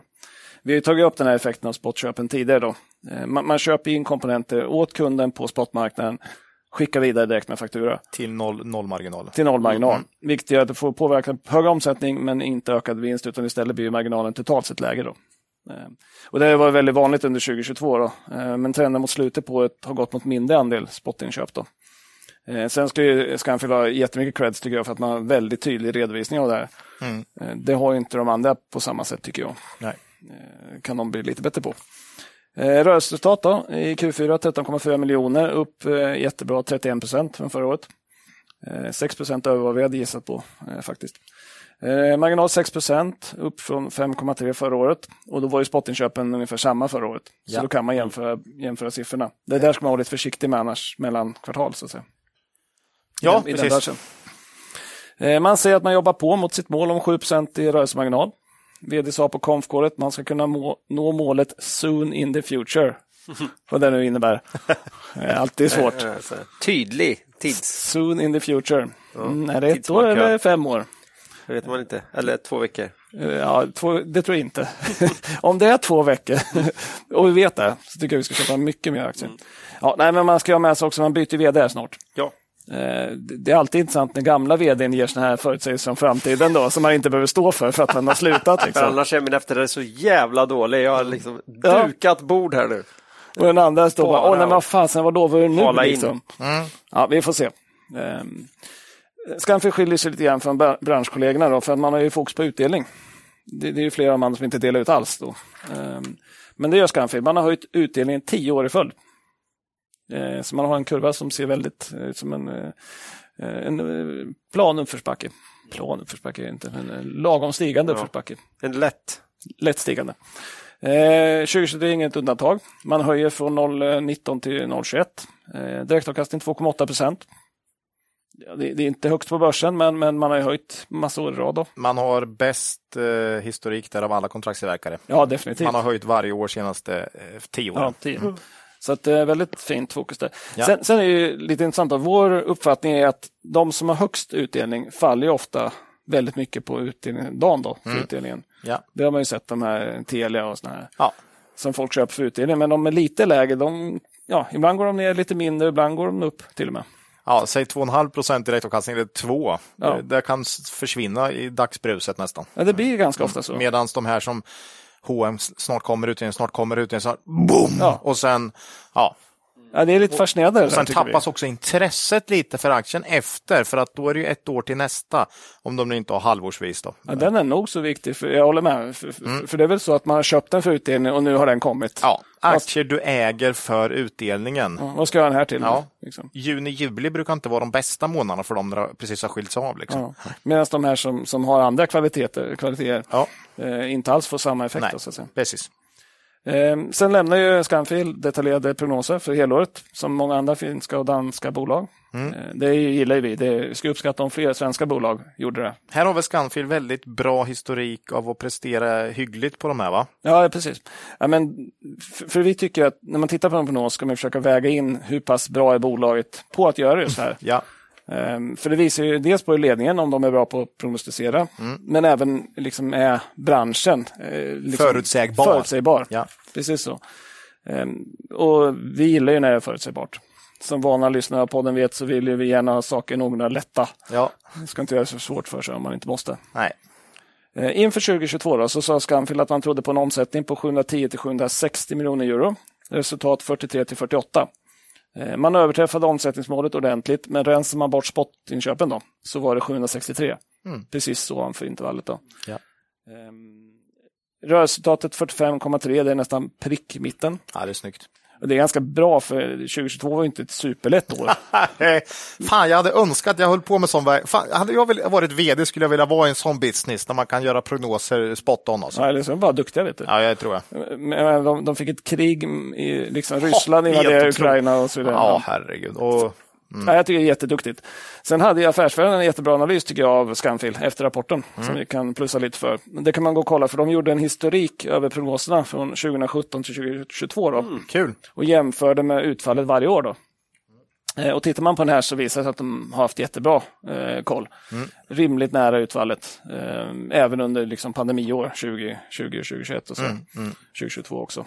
Så att därför jag, tycker vi att man kan ta fasta på prognosen för 2023. Då. Mm. Eh, och då säger man 820 till 890 miljoner euro i omsättning. Eh, rörelseresultat 49 till 55. Mm. Eh, vi ligger ganska i mitten av det här. Det är svårt att lägga sig någon annanstans när de har sån jävla bra koll historiskt. Ja, ja, det, är, det är inte så att man vi vågar... tror nog att de ska... I, I, år har de ingen koll. I år har de... Nej. Nej, men det är, ja. det är, det, det, det är gött. Mm. Nej, men det är, vi gillar det. Vi vill, tycker inte ska, man, är det inte för svårt så gör det inte för Nej. svårt. Eh, sen kan man notera att bolaget då räknar med att omsättningen stiger bara ett par procent för några mm. Men det har väl med de här spotpris? Exakt. Mm. Det, man rullar ju bort spotinköpen då. Mm. Eh, för vinsten går upp 15 procent då mm. istället. Det är bra. Eh, med prognosen. Eh, vi får en vinst på aktier på 0,61 med dagskurs 7,58. P 12,4. Mm. Ja, det är högre än 10 men det är fortfarande inte superhögt.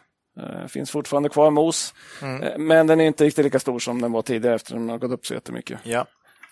Vi skalade lite grann efter rapporten, tar bort lite marker från bordet. Det var en ganska stor position innan. Ja. Som vi har kanske pratat om. Ehm, men, men vi är fortfarande aktieägare. Vi tycker att kontraktbranschen är jätteintressant. Vi tog upp AQ och Kitron i förra podden. Ehm, ja, nu har många aktier gått väldigt starkt också, så vi skulle uppskatta en liten rekyl. Då. Och det kanske ja, är den som pågår just nu. Vi hoppas på det, ja. Men vi har kvar en del aktier där. Då. Mm. Ja, och så får vi se. Blir det rekyl i många av de här branscherna så kanske vi kan köpa fler mm. i några andra också. Jag sa väl det någon gång, jag pratade Scanfil och kontraktstillverkare. Liksom, jag vet inte, de har inte bäst historik sett till tillväxt och så, men kanske stabilast. Jag, jag tycker de är gubbbolaget nummer. Nej, men liksom kolla... Och det var därför vi ägde dem eller? Ko... Ja, jag vet inte, men, men kolla, gra... kolla ja. börsdata så ser du utdelning, eh, omsättning och vinst på tio år. Ja. Jäkligt fina eh, grafer. Stabilt. Stabilt. Den stabilaste historiken har de av kontraktstillverkarna. Inte den bästa, men stabilast. Men, men eh, just nu klart lägst värderat. Klart lägst värderat och bra historik. Det att, mm. räcker för oss. Ja. Men vi hoppas på att det blir ett börsras, kanske vi kan plocka upp några av andra också. Mm. Precis och inte ett moln på lågkonjunkturhimlen. Det är Nej, Det är lite fascinerande, men, men, men, det är lite speciellt här för de, då kommer vi här som vi pratade om Incap, att mm. de har haft en väldigt bra visibilitet de här. Ja, precis. Och då är frågan, kommer den bli sämre sen? Men just nu så känns det som att av alla prognoser vi har i hela vår Excel-matris mm. så är det just kontraktstillverkarna som man ändå känner sig mest bekväm med, mm. med, med prognoserna på. Ja. Ska jag säga. Kanske någon mobilspelstillverkare också. Mm, så ja. ja. Eh, vi nöjer oss där. Ja, det var skamfil. Det var skamfil. Nu är det snart dags för Ola att äntligen få vara med nu. i podden. Nu? Tokmanni. Tokmani? Ja. Nej. Det här är ju dagens andra finska bolag, lågprisaktören Tokmanni. Eh, jag skulle vilja beskriva dem som Finlands svar på svenska ÖoB eller norska Europris. Men jag vet ju att sanningen är lite mer komplex än så. Mm. Så Ola, take it away. Ny, ja. Nytt i podden. Ja, nej men det, jag, jag, skulle, jag kan hålla med om den. Det, mm. det är fair enough alltså. Det är closer. Mm. Det är typ så. Mm. ÖB. Vi är på tavlan. Ja, ÖB Europris. Tok Money. Mm. Finlands största ledande lågprisaktör. Oj. Mm. Eh, ungefär 200 butiker, lite drygt, i hela landet och e-handel. Eh, hälften av omsättningen utgörs av vad de kallar grocery products. Och vad är det då? Ja, där säger de mat, dryck, hushållspapper, tidningar, rengöringsprodukter, skönhetsprodukter mer. Jag känner mer ICA, Coop, men yep. i det här fallet då kanske man ska säga Lidl mer va? Lågpris, mm. eh, eh, dagligvaruhandel. Mm. Yep. eh, ungefär så, men ja. Eh, Non-groceries är då mer kläder, inredning, trädgård, eh, alltså mer jula då kanske va? Ja. Ungefär, Om, då, då kanske man har gafflat in hyggligt. Jag har dock aldrig varit i en Tokmanni-butik, så jag har inte exakt, men jag gissar på det. Skit, nu måste ju bolaget ut på en sån här Finlandskryss. Mm. Bara på grund av det, inget annat. inget annat. Det jobbiga är att när vi kommer in i den här butiken så kommer vi förmodligen se exakt det de själva har försökt förmedla här. Ja, men, eh, Men man- Men det kan vara kul att åka dit och handla lite. Ja, ja. Lite karaoke, räkfrossa, vad säger ni? Ja. nej, okej, nej, men mm. eh, Tokmanni var det nu. Ja. Även om Tokmanni här har funnits länge så har företaget, eh, så som företag då, så har vi bara börshistorik sedan 2016 fa faktiskt. Eh, eh, så kollar vi den ek eh, ekonomiska historiken på börsdata så har vi därför faktiskt ingen tioårshistorik. Vi har åtta tror jag. Eh, eller sju, något sånt. Senaste fem åren har dock omsättningen vuxit med i snitt 8% per år. Vinsten har ökat med 17% per år i snitt. Ebit-marginalen har snittat 7-8 procent sådär under de senaste 5-7 åren. Eh, här är lite intressant, jämför man Tokmannis rörelsemarginaler då med Europris så är de ungefär hälften. Europris är ju norsk motsvarighet då. Eh, bruttomarginalen i Tokmanni är 35 procent mot Europris 45. Det är rätt stor skillnad. Det är jäkligt stor skillnad. Eh, här är väl så, vi upplever sortimentet som hyggligt lika men något mer färskvaror. Tokmanni. Lite mer den här Lidl-grejen. Alltså. Lite mer Lidl än Europris. Europris har en större del då eh, jula då kan man säga, eller något. Eh, eller ÖB. ja, eh, färskvaror ÖoB. finns inte på ÖB finns inte heller va? Färskvaror. Det beror på vad man räknar där, men alltså Ja. det är ju mycket canned och Ja. klart kan köpa godis. Ja, men det kan du ju på Tokmanni med såklart. Men, men, eh, ja, men just färskvaror. Dessutom så har vi varit i kontakt med Tokmanni. Eh, fick svar från eh, deras eh, ja, Vi IR. testade deras IR-avdelning. Mm, där de säger också att prisläget i Norge generellt sett är högre och eh, att de kan ta ut högre priser då. Det var väl när vi, vi frågade varför de. Det var det här med home bias. Nej, men det var väl när vi frågade varför de hade lägre bruttomarginal. Ja. Vad som skilde oss. Eh, Europris och Tokmanni har ett gemensamt ägt eh, bolag också i Kina, inköpsföretag i Kina eh, som man då äger tillsammans för att få ett eh, ja, bli större volym. Och det var därför vi undrar varför skiljer det då så mycket Ja, i bruttomarginal. Eh, nu är det ju också så att allt köps ju inte in från Kina, det här bolaget, utan det var 20 procent bara eller något sånt där som köptes in från det här samägda bolaget. Men det visste ju inte vi innan vi frågade. Nej, men nu vet vi. Nu vet vi. så då kan vi berätta för alla våra poddlyssnare att 20 procent ungefär köps in från det här kinesiska bolaget, inköpsföretaget man äger ihop med Europris. Då. Men som sagt, hälften i rörelsemarginal landar det här i då, ungefär, på, när man kommer ner en bit i resultaträkningen. Mm, Eh, Tokmanni har som finansiellt mål att få upp ebit-marginalen från 7 till 8 till 10 ungefär då. Ja, är Europris ligger på ökning. 15 nu ungefär. Det låter ju inte helt omöjligt. Nej, jag tycker ändå det låter som görbart, måste jag säga. Ehm, mm, det, det, jag, tror, jag tror det är görbart. Omsättningsmålet är satt till en och en halv miljard euro, det vill säga 16, 16 miljarder svenska kronor för 2025. Så det är inte så långt bort. Det är redan 2023 här nu. Eh, omsättningsmålet ger ungefär 8% årlig omsättningstillväxt. Tillväxten förväntas komma från nyöppnade butiker, prisökningar, omsätt... det ser man ju nu. det driver ju en del omsättning. Ja. Samt selektiva förvärv. Här har man gjort några 2022 faktiskt. Når Tokmanni sina mål på omsättning och eh, ebit-marginal så innebär det 20% vinsttillväxt per år kommande tre år. Då. Eh, Och där hade man ju då legat 17% i vinst per aktie i ökning senaste fem åren. Då. Och omsättningen har vuxit historiskt med 8% per år senaste fem åren. Så det är väldigt nära sin femårshistorik man har som mål faktiskt, får man säga.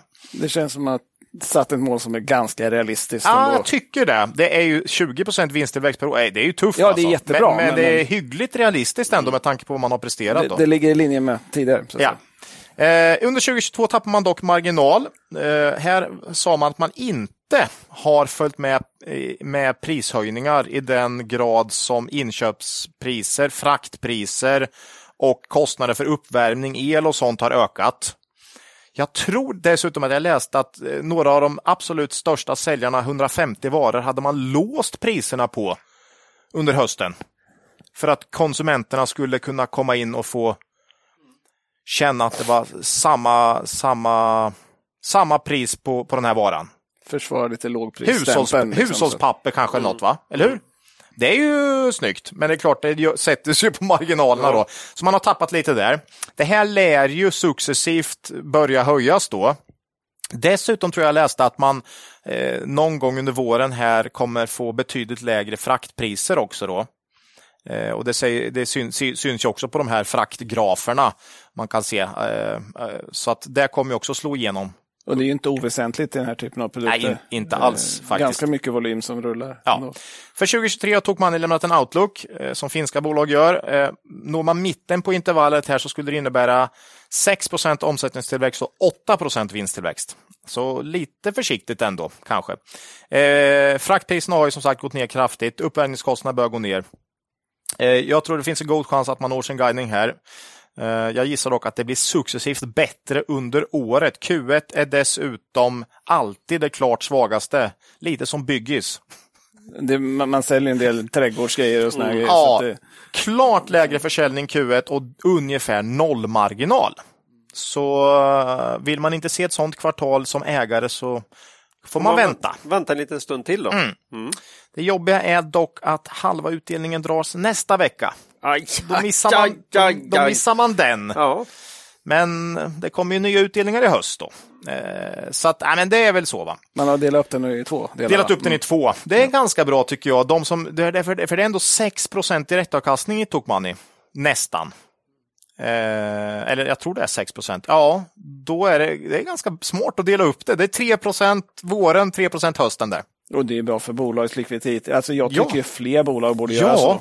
Superbra för deras rörelser, alltså kapital och likviditet. Ja, det mm. kan ju inte vara jätteadministrativt ansträngande att dela upp Nej. det på några gånger heller. Men det är inte som att någon ska sitta och bocka av en bok eller hur ska gå med det här pappret vet förr i tiden man ska riva av en sån här kupong.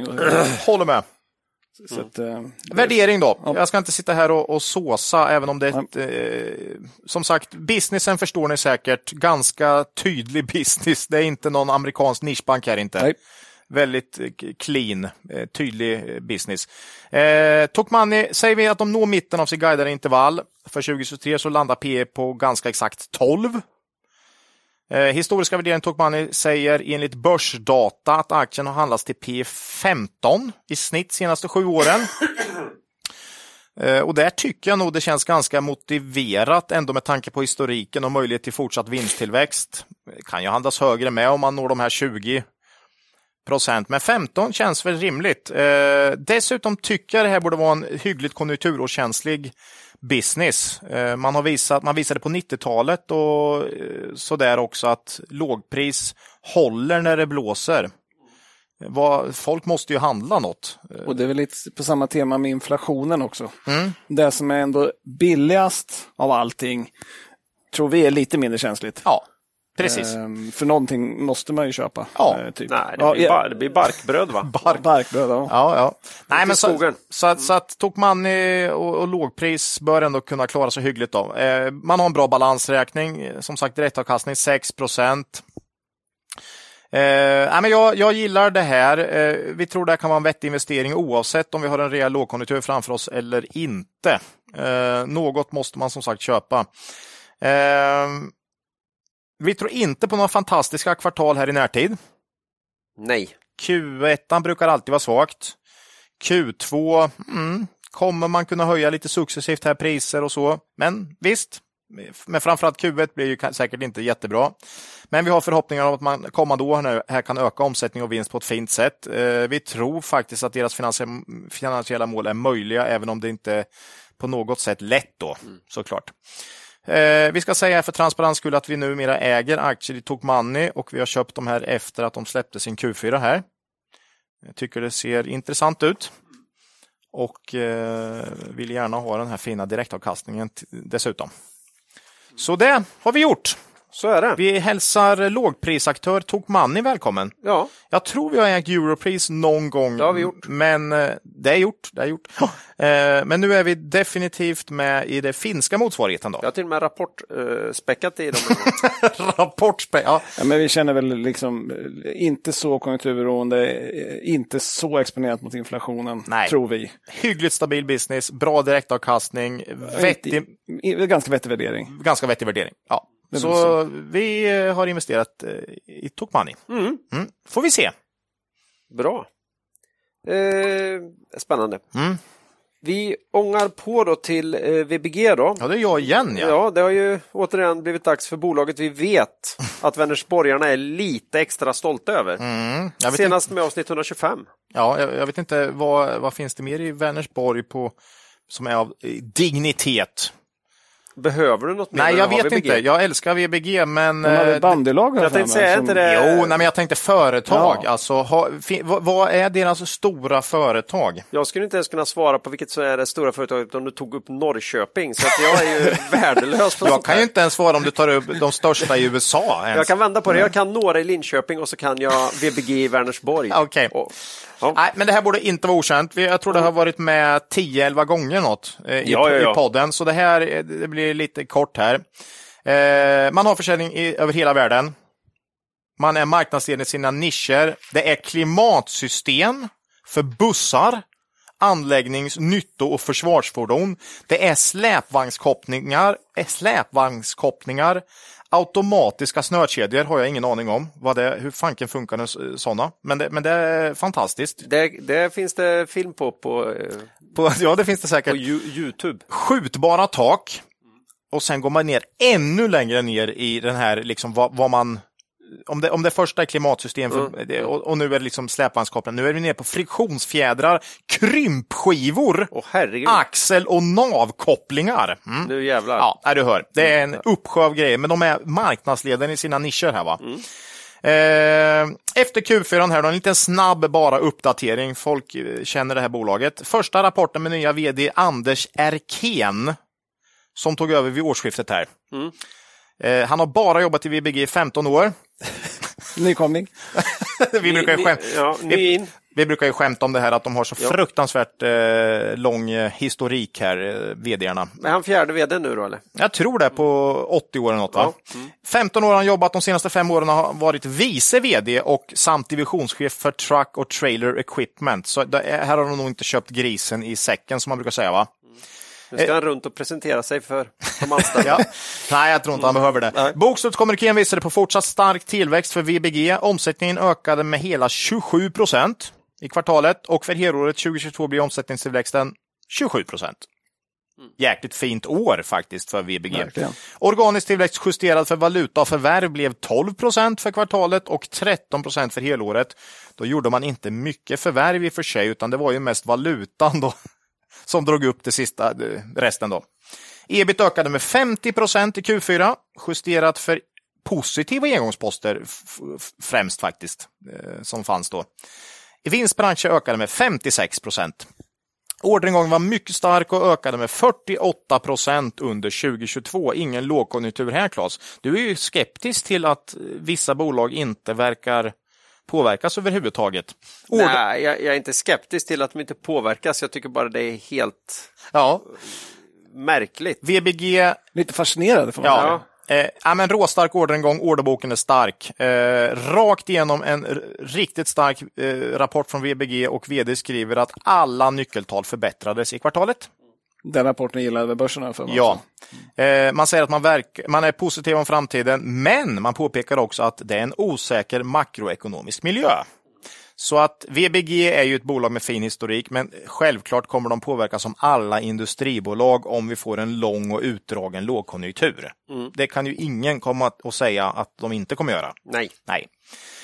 Eh, kollar vi börsdata här, graferna, så blir jag, rikt, här blir jag riktigt varm. Om, om jag blir varm om Scanfil så blir jag riktigt varm om hjärtat här. Jag som älskar siffror och sånt. Omsättning och vinst ökar med cirka 10% per år om man ser de senaste 10 åren. Ebit-marginalen har de senaste 10 åren varit oerhört stabil och fin och varje enskilt år legat mellan 10 och 13 procent. det visar lite på att man har bra produkter och är marknadsledande när man kan ligga på tvåsiffriga marginaler konstant stabilt. Liksom. Väldigt bra. Finansiella målen säger omsättningstillväxt på 10% per år. Där ska man säga 5% organiskt, 5 förvärv. Känns realistiskt. Här, lite som vi var inne på förut, här har man dock gjort ett substantiellt förvärv 2017 med 100% ökad omsättning. Vi gillar ju mer när man gör ett varannat år på 10. Så typ. Nej, men, jag håller med. Eh, så eh, vi säger det till nya vdn. Kan du inte försöka hitta något nu, för jag vet ju att de har letat ett tag nu. Kan du inte försöka hitta något som ökar omsättningen med 10% istället? Det vill och, och sen gör ni ett sånt varannat år. Mm. Eh, lite mindre riskfyllt är det det. definitivt. Balansräkningen är stark, så vi hoppas att det här förvärvet kommer snart. Eh, priserna borde ha gått ner på de här objekten, kan man tycka. Direktavkastning 3,5 procent. Värderingen.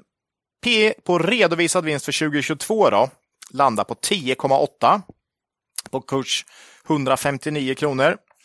Analysguiden är den enda som följer vad jag vet av VBG och de gör uppdragsanalyser. De skissar på 16,60 i vinst per aktie för 2023. Det ger P 9,5. Eh, värderingen har de senaste 10 åren varit i snitt 14 på VBG enligt börsdata. Jag tycker dock att historiken eh, skulle kunna motivera ännu högre än 14 faktiskt. Eh, men oavsett så känns dagens värdering för låg. Eh, med tanke på avslutningen av 2022 och stark orderingången så eh, bör man nog vara positiv på åtminstone inledningen av 2023. Längre bort är skitsvårt att veta om det nu blir en lågkonjunktur. För då kommer BBG drabbas som i stort sett alla industribolag, tror jag. Eh, men fin historik och om man lyfter blicken så är aktien inte dyr. VBG finns med i tre av våra sex buy and hold-portföljer. Det vill säga det, Skam den som ger det är sig. ett bolag vi tror på. Fint bolag som eh, har väl levererat riktigt starkt under 2022. Vi äger fort, fortsatt aktien här då. Och det har vi gjort ganska länge nu. Vi köpte ju mer efter senaste Ja, vi rapporten köpte också. dessutom mer efter senaste rapporten. Eh, så nej, VBG levererar superbra faktiskt. Eh, oron där är väl just om det blir en sån riktigt lång och djup lågkonjunktur. För då kommer ju även VBG drabbas. Det är inget snack om den saken. Definitivt. Likt alla andra industribolag. Mm. Ja. Det är om VBG. Bra 2022. Keep Ja. up the good work. Eh, då blev det bolag vi äger. Podden idag. Då. lite så. Ibland Ja. blir det så, ibland blir det inte så. Nej. Så, så vart det. Mm. Eh, Det finns mer slump i det än vad folk tror kan jag Mm. säga. Ja, ja, Eh. Ja, vi har klarat av alla bolagen. Mm. Och innan vi nu hoppar på intervjun med Per H så har vi en liten hälsning från vår sponsor Drake Analytics. Eh, Drake Analytics är ett IT-konsultföretag som hjälper företag och organisationer att eh, skapa värde från data. Det handlar om att förstå sin data, skapa nya insikter och fatta datadrivna beslut. Drake är en oberoende aktör och ett eh, typiskt kunduppdrag handlar ofta om att sätta upp eh, flöden för att extrahera och orkestrera datautläsning från ja, olika dataplattformar, numera oftast i molnet. va? Mm. Ofta visualiserar Drake data för sina kunder i något populärt beslutsstöd. Eh, Ja, det finns ju massor med sådana här dataanalysprodukter på marknaden. Ett viktigt eh, fokusområde för Drake är analys och effektivisering av verksamhetsprocesser. Eh, På engelska kallas, kallas ju det här process mining. Här hjälper Drake bolag och organisationer med allt från analys av tillverkningsprocesser till patientflöden. Minnesgoda lyssnare kommer ihåg att vi har ju haft Drake på besök i podden tidigare. Ja. Eh, Då screenar vi fram aktier från Ja, börsdata just det. Ja, var- med hjälp av ett eh, dataanalysverktyg och visualiserar det här på ett sätt som fick både mig och Ola att darra av upphetsning kan jag säga. Ja, det vi var hade, kul. Det, ja, det var riktigt ja, roligt. det var häftigt. Var Vi det. använde det också vid, någon föreläsning och så här. Ja. Då kände vi oss så, på. Ja, så, digita så, så digitala. Så, digitala och eh, tech-orienterade Nej. har jag aldrig känt mig. Nej. Faktiskt. Och eh, nej, kul. Mm. Men den här gången då? De ska vara med här nu Mm. eh, några gånger framåt. Ska vi eh, ge oss i kast med att tillsammans med Drake an- använda AI Oj. för att eh, predicera vinstutveckling i börsbolag. Och återigen baserar vi det på data från börsdata. Och ja, inte nog med att vi använder något så modernt som AI. Vi kommer i nästa poddavsnitt berätta hur man kan göra det här utan större förkunskaper med en fantastisk produkt som heter Data Robot. Mm. Mhm. Det här får man inte missa. Nu, nu blir våra jobb helt meningslösa. Från Ja. nu. Okej. Mm. Tråkigt. Ja. Det, var, det var nu det hände. Ja. Rackarns. Jag tror nog att man använder det här för att visa vilka möjligheter som finns Mm. med Data Robot mer än man, man tänker sig att vi ska välta hela investeringsbranschen. Ja. Det tror jag inte är. Nej. Lite som det var förra gången. Och vi kommer nästa gång då res- berätta om eh, resultatet av det här AI-äventyret Häftigt. och eh, publicera en video om hur det här går till. Så tack säger vi till vår sponsor Drake Analytics.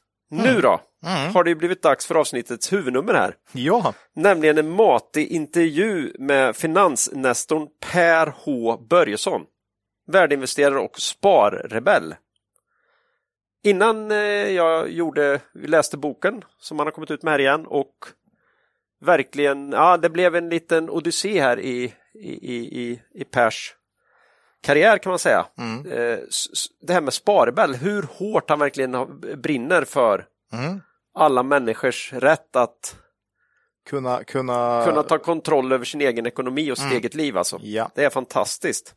Eh, så det har varit superkul att få träffa Per in person här. Han är ju västgöte från början med va? Så att, Ja.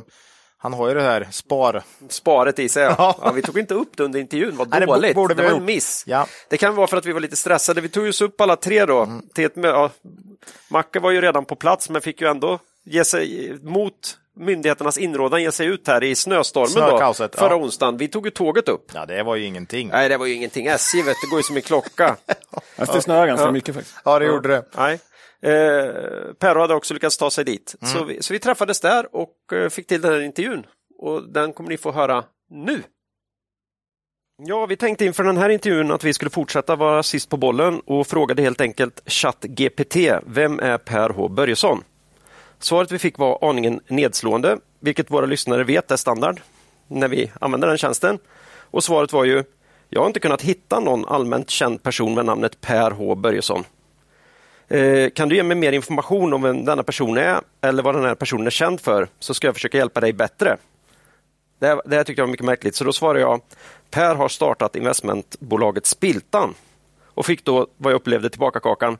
Tack för informationen. Per och Börjesson är en svensk entreprenör och investerare som är känd för att ha startat Spiltan. Eh, Så, så den lär ju säga vad jag säger till den. Då. Ett svenskt investmentbolag som grundades år 2000. Spiltan investerar i små och medelstora företag och bolaget är känt för sin aktiva förvaltning av investeringar och sitt engagemang i de företag som de investerar i. Börjesson har också varit engagerad i flera andra företagsprojekt, både som investerare och som ledare. Han är också känd för sin bok Bli rik på aktier, som har sålts i över 100 000 exemplar och som ger praktiska råd om hur man investerar i aktier. Börjesson är en aktiv föreläsare och har också varit med i flera tv-program om privatekonomi och investeringar. Så här då fick vi lika delar information och desinformation kan man lugnt säga. Mm. Så vi får vända på det här och helt enkelt eh, välkomna Per H till podden. Tack så mycket. Jättekul att du vill vara här och så får vi be dig berätta lite om din bakgrund och din eh, karriär så här långt. Ja, det var väl hyfsat rätt. Eh, Spiltan startade väl 86 och böckerna ju lite mer, ett antal mer ex, ex och tv-program vet jag inte. Jag har varit med i någon morgonsoffa för länge sedan. Så att de, Ja, och- lite och- allmänna svar tycker jag det var och, faktiskt. Och, och, titeln på boken är ju också... ja, också titeln på boken är fel också. Ja, det, det är någon helt böckerna. annan. Det är någon Ja, helt annan. Vi behöver inte ta upp. Det finns en sån bok, den har inte du skrivit. Okej. Nej. Nej, men bakgrunden är, jag är ju en fin person som eh, några över också. Industriell ekonomi i Linköping, bland de första då. Gick ut 1978 och sen flyttade till USA eh, med läste på Columbia MBA då, och sen jobbade för Ericsson och åkte tillbaka till Sverige, var konsult och sen var jag familjeföretagare då, i bilbranschen några år och sen var jag konsult och sen 1997 då startade jag heltid med Spiltan som hade startat redan 1986 då med lite kompisar från Linköping och sen har vi kört på med det då. Mm. Eh, är väl lite snabbt eh, bakgrund då. Ja. Eh, Ja, hur kom det sig att det började med aktier egentligen från första början?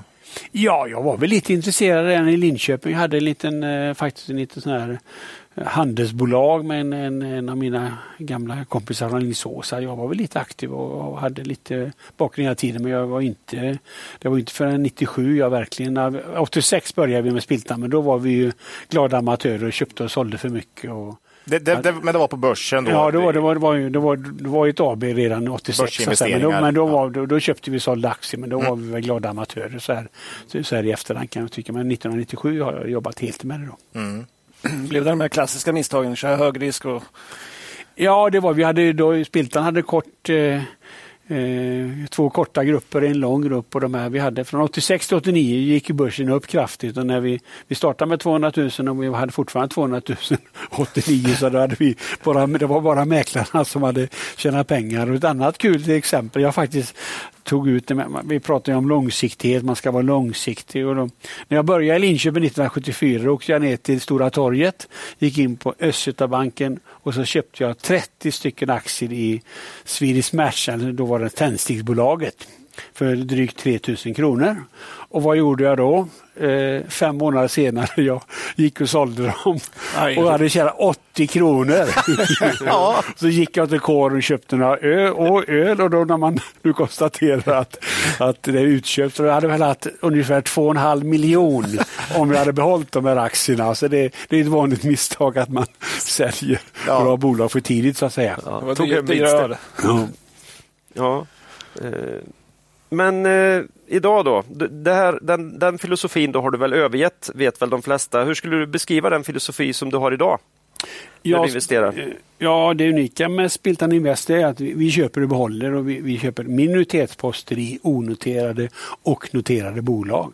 Eh, och det, eh, ja, från 99 där, då kanske vi höll på lite mer med tillväxtbolag och vi lärde oss att allting tar längre tid mm. och kostar mer pengar. Men vi har väl Eh, men vi håller fortfarande på med det. För att det är klart att det är, det är spännande med tillväxtbolag och bolag som går med förlust kanske att det kan ge fantastiska avkastningar. Men sen är vi, håller vi även på mycket med stabila eh, lönsamma bolag också. Då, så att det är både och. Eh, men det är väl just det här med minoritetsposter som är lite unikt för Spiltan. Att, och då måste man ju ha permanent kapital och man kan inte ha någon exit-strategi då när man inte har majoritet som de flesta vill ha. Känner ni själva att ni har förändrat stilen över åren? Eller så? Nej, det är lite, men vi har ungefär haft samma under, under hela tiden tycker jag. Att vi började 2003-2004. Nu ska vi ha lite mer stabila bolag, lönsamma bolag och lite mer, ännu mer buffert då. 2003 och sen har vi nog kört samma stil ungefär. Ja, då, då får man kasta in, eh, få lite investerarråd här som extremt ny investerare i förhållande till dig. Vi har ju också en del onoterat, alltså det här att ha minoritetsposter hur mycket tycker du man ska ha för att det ska vara värt? För att den här avvägningen men att man engagerar ju sig ändå i bolaget när man väl har köpt in sig i det mot att det, ja, det blir ju dyrt naturligtvis om man ska ha många procent.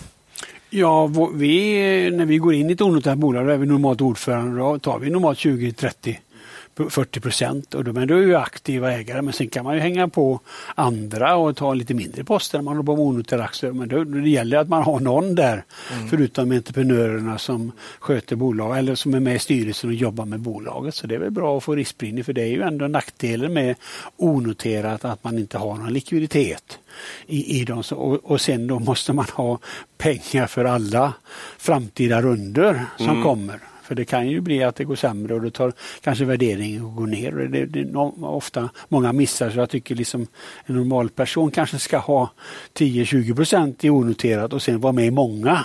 Mm. Det tycker jag att misstag många gör att man, okay, man har någon granne som kommer jättekul grej, ja jag satsar. Då satsar man alldeles för mycket i det mm. i relation till eh, sin privatekonomi. Mm. mm. Eh, här kommer en lite ledande fråga. Då. Har du några andra förebilder inom investeringar utöver Warren Buffett?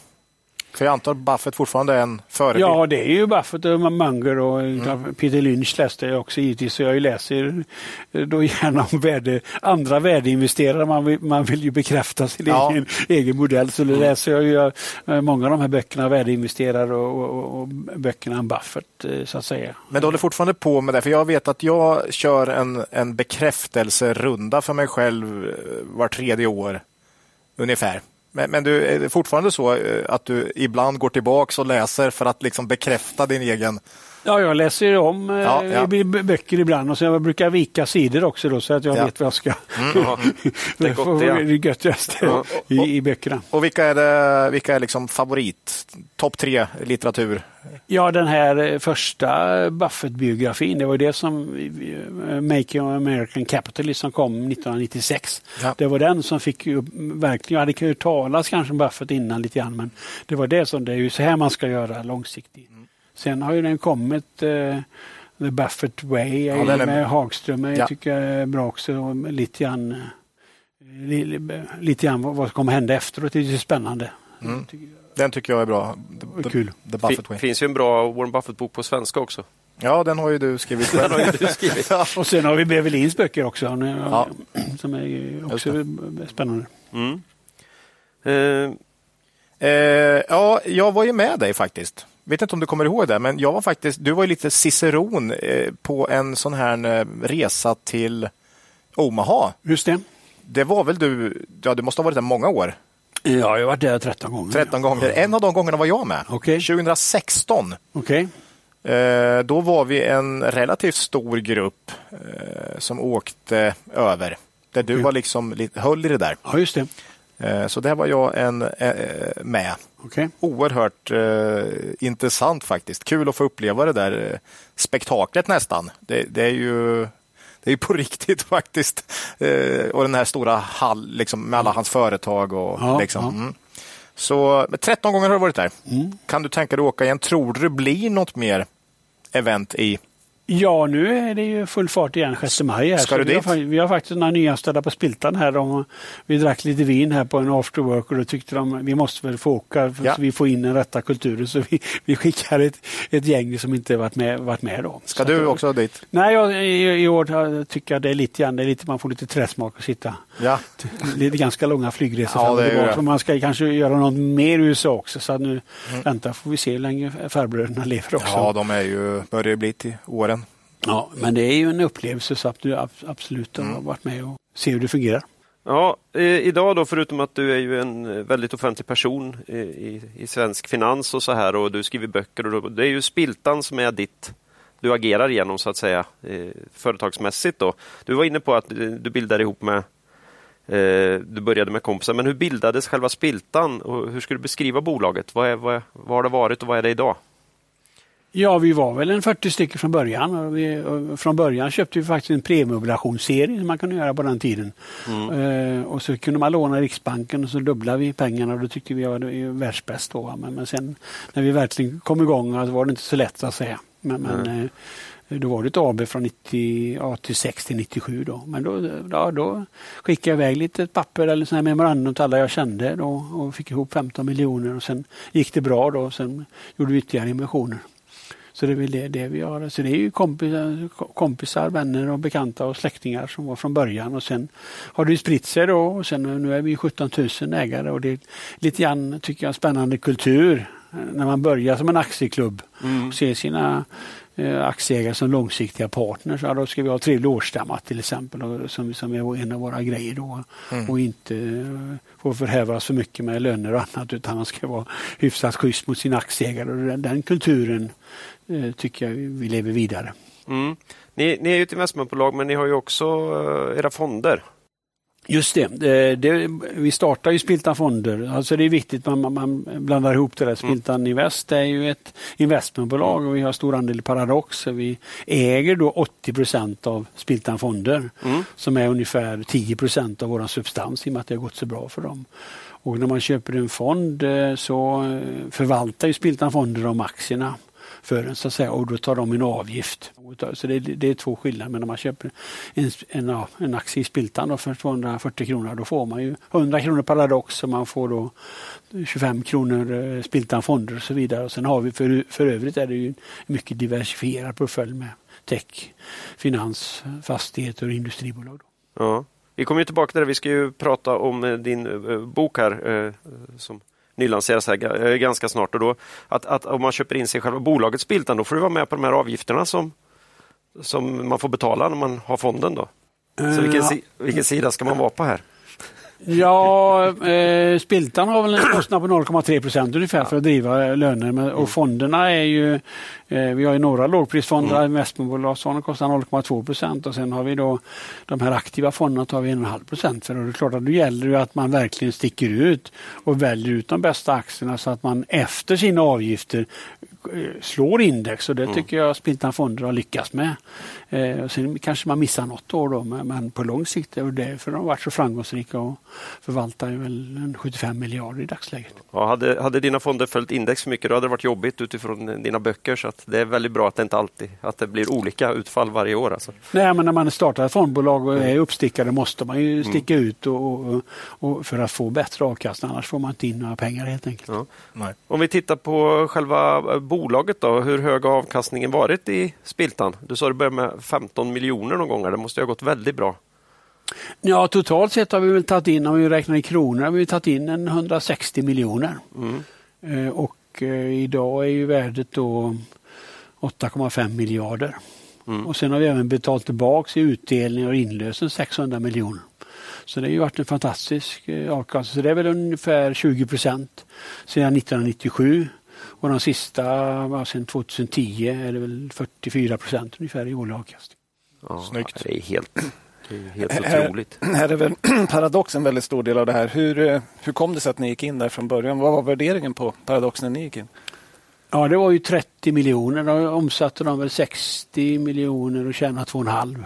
Vi tyckte det var lite dyrt att betala 12 gånger vinsten då. Men, ja, ja. men eh, sen är det ju nu, nu kommer de med och det var nästan 2 miljarder och en vinst på 800 miljoner och sen värderar börsen där inte nog med inte 12 gånger vinsten utan 30 gånger vinsten nästan. Så det är klart att nu är börsvärdet där uppe i 24 miljarder. Det är ganska fantastisk utveckling. Så det är en, och att vi legat kvar, det är det som jag...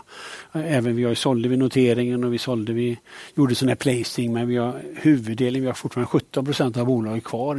Det är väl det som är har det inte eh, kliat i fingrarna? ja, men vi har ju sålt lite grann. Men samtidigt, ja. nu tycker vi, nu vet vi om att det var många spel på gång så nu 2023, 2024. Så nu är vi inte så benägna att sälja även om det är klart att, men vi tar ju en risk givetvis. Det får man ju vara medveten om. Man måste gilla Paradox om man ska köpa Spiltan-aktien och tror på att de här spelen de har i piloten att, att de kommer att slå. Hur ser ni på den risk, äh, risken så att säga? Hur, hur, hur tänker ni kring den? Ja, det är ju det. Man får ju eh, skillnad på det som är osannolikt och otänkbart. Va? Mm. Och, och, och, det, och då, då, anser vi att det är osannolikt att vi tror att det går bra för dem givetvis. Men det kan ju alltid det kan ju inträffa någon sån här svart svan som inte ja. vi, vi har en aning om och då får man ta den risken. Eller vi mm. medvetna om den risken men det är ju ändå det som varit vår framgångsformel kan man säga. Att vi har vågat ligga kvar och vi tror på bolaget och sen har vi ett ansvar också Tillsammans med Fredrik Wester så kontrollerar vi bolaget. Tillsammans har vi 50 procent så det är också en viktig faktor att vi kan sälja några procent till, det är inga problem. Men, men, men, inte sälja hela innehav, det är inte på kartan. Nej. Nej. Men även Spiltan Fonder har varit en Vi har satsat 7 eh, miljoner totalt eh, och nu är det värt, säger vi att det är värt 800 miljoner och det är ju ganska kanske till och med lågt värderat. Men det är lite osäkerhet om PPM och kapital och annat. Så att, men, men det var inte så kul i början. Det tog ju från 2002 till 2010 fick vi stoppa in pengar tre, fyra gånger. Mm. Och, och, även om det gick bra i början. Och sen, men det, så det tar ju längre. Man startar nya saker då tar det längre tid och kostar mer pengar. Nästan alltid. Mm. Mm. Eh, ja, det, det märks här att eh, du förespråkar långsiktighet. Verkligen. Eh, ni har ju valt en speciell handelsmodell för Spiltans aktie. Eh, kan du berätta lite om, om det och varför? Ja just det, vi handlar en gång i veckan på tisdagar på NGM Pep Market och då får man bättre likviditet man handlar. Eh, man slipper robothandlare som vi inte gillar och sen får vi en del av courtaget då, eh, 21 procent. Och sen handlar man alla på samma information. Eh, om det händer något på torsdag, vi måste gå ut enligt MAR, då, den här marknads Eh, lagstiftningen omedelbart. Men, men, men då vet ju alla det på tisdag vad som har hänt. Och det kanske allra viktigast är ju att vi får långsiktiga ägare. Vi får inga daytraders, vi får långsiktiga ägare. Men det är lite emot, eh, det är många som undrar hur kan du göra så här? Och så där. Men vi, vi, Buffett säger det om man, om man inte kan äga en aktie i, i tio år ska man inte äga den i tio sekunder. Så det är mm. lite grann vår idé. Att, att, eh, och då får vi långsiktiga ägare och vi har ju då bara privatpersoner. Och det nackdelen är möjligtvis då att inte institutioner som har till exempel en fond måste göra dagliga kurssättning så att de kanske inte är lika benägna att köpa Spiltan-aktier. Men jag man, man ser hur institutioner agerar och är ofta kortsiktiga. Så jag tror att vi klarar oss bra med, med privatpersoner och bygger det som ändå är vår grund från början. Mm. Hur hittar Spiltan nya case då? Vad, vad tittar ni efter och hur går det till? Ja, dels har vi då i och med att vi håller på med techbolag och, och eh, vi får många förfrågningar då, givetvis från både folk känner till det och, då, och där är väl kanske problemet att även om noterade techbolag har gått ner 70-80 procent, då tycker man fortfarande är höga värderingar så där har vi väl inte gjort någon investering eh, under senaste året. Då. Och sen håller vi på med finansbolag, vi lite, håller på med nya satsningar där. Vi gick in i Solid, ett noterat eh, försäkringsbolag förra året. Eh, fastigheter har vi 15 procent och det är klart att nu är man lite nervös vad kommer hända med räntorna. Så där har vi ju två bra bolag tycker vi men vi kanske inte är så benägna. Utan förra året var det ju två industribolag som vi, Hyttbäcken och Carbomax och även Aleima då, som var noterat. Så det var väl det. Och nu håller vi på med ett, vi skickar faktiskt ut brev till bolag, eh, till ägare till bolag och förklarar att man kan sälja en minoritetspost till Spiltan. Vi håller på med program med det och varit nu i Skåne och, och Småland och, och får jättebra respons för att man vet inte om. De flesta som har byggt ett bolag i 30 år, de vet inte om man ska sälja bolaget. Ja, då ska man sälja hela bolaget. Mm. Men den här, att den här möjligheten finns eh, blir, och där har vi ett antal spännande case Eh, på gång. Och det var faktiskt så vi hittade Paradox från början. Ja. Att vi skickade brev till de här ägarna och sen skapade Håkan Hönnesson, vår investment manager, en relation med honom och så träffade jag dem. Och, och så dök det där tillfället upp att de var en kund som inte betalade, de var tvungna att ta in honom. Det, det portot betalar sig kan man säga. Ja, det Även om det är dyrt nu. Så, så Nej, svårare göra nu i Ja, idag är det svårare att få igen, få igen den. En fråga på det här temat eh, tid. Eh, hur lång är liksom tidsåtgången eh, normalt mellan att man tar kontakt med ett onoterat bolag tills det blir en investering, om det nu blir en investering? Förstår du frågan? Ja, det är ju ett antal månader säkert. Va? Om man ska, om man, först ska man komma överens om priset, först ska man gilla varandra och mm. vara överens och, och sen eh, ska man vara överens om priset och sen ska man göra en sån här DD och gå igenom bolaget lite grann och sådär. Men, så det tar ett antal månader och i vissa fall har vi hållit på i åratal och, och, och haft kontakter, eller Paradox för jag tror brevet skickas 2006. Va? Mm. Och, och, vi gjorde affären först 2010 så det ja, var fyra år mellan ja. första kontakten och när affären verkligen genomfördes. Ja. Och då är det värt att hålla ut där. Ja. Det, är ju, det är ju tydligt. Hur alltså. är tanken fram? Har ni något liksom så här, vi fokuserar mer på noterat eller mer på onoterat eller kommer det vara ungefär att ibland tar vi onoterade investeringar, ibland noterade? Eller hur tänker ni?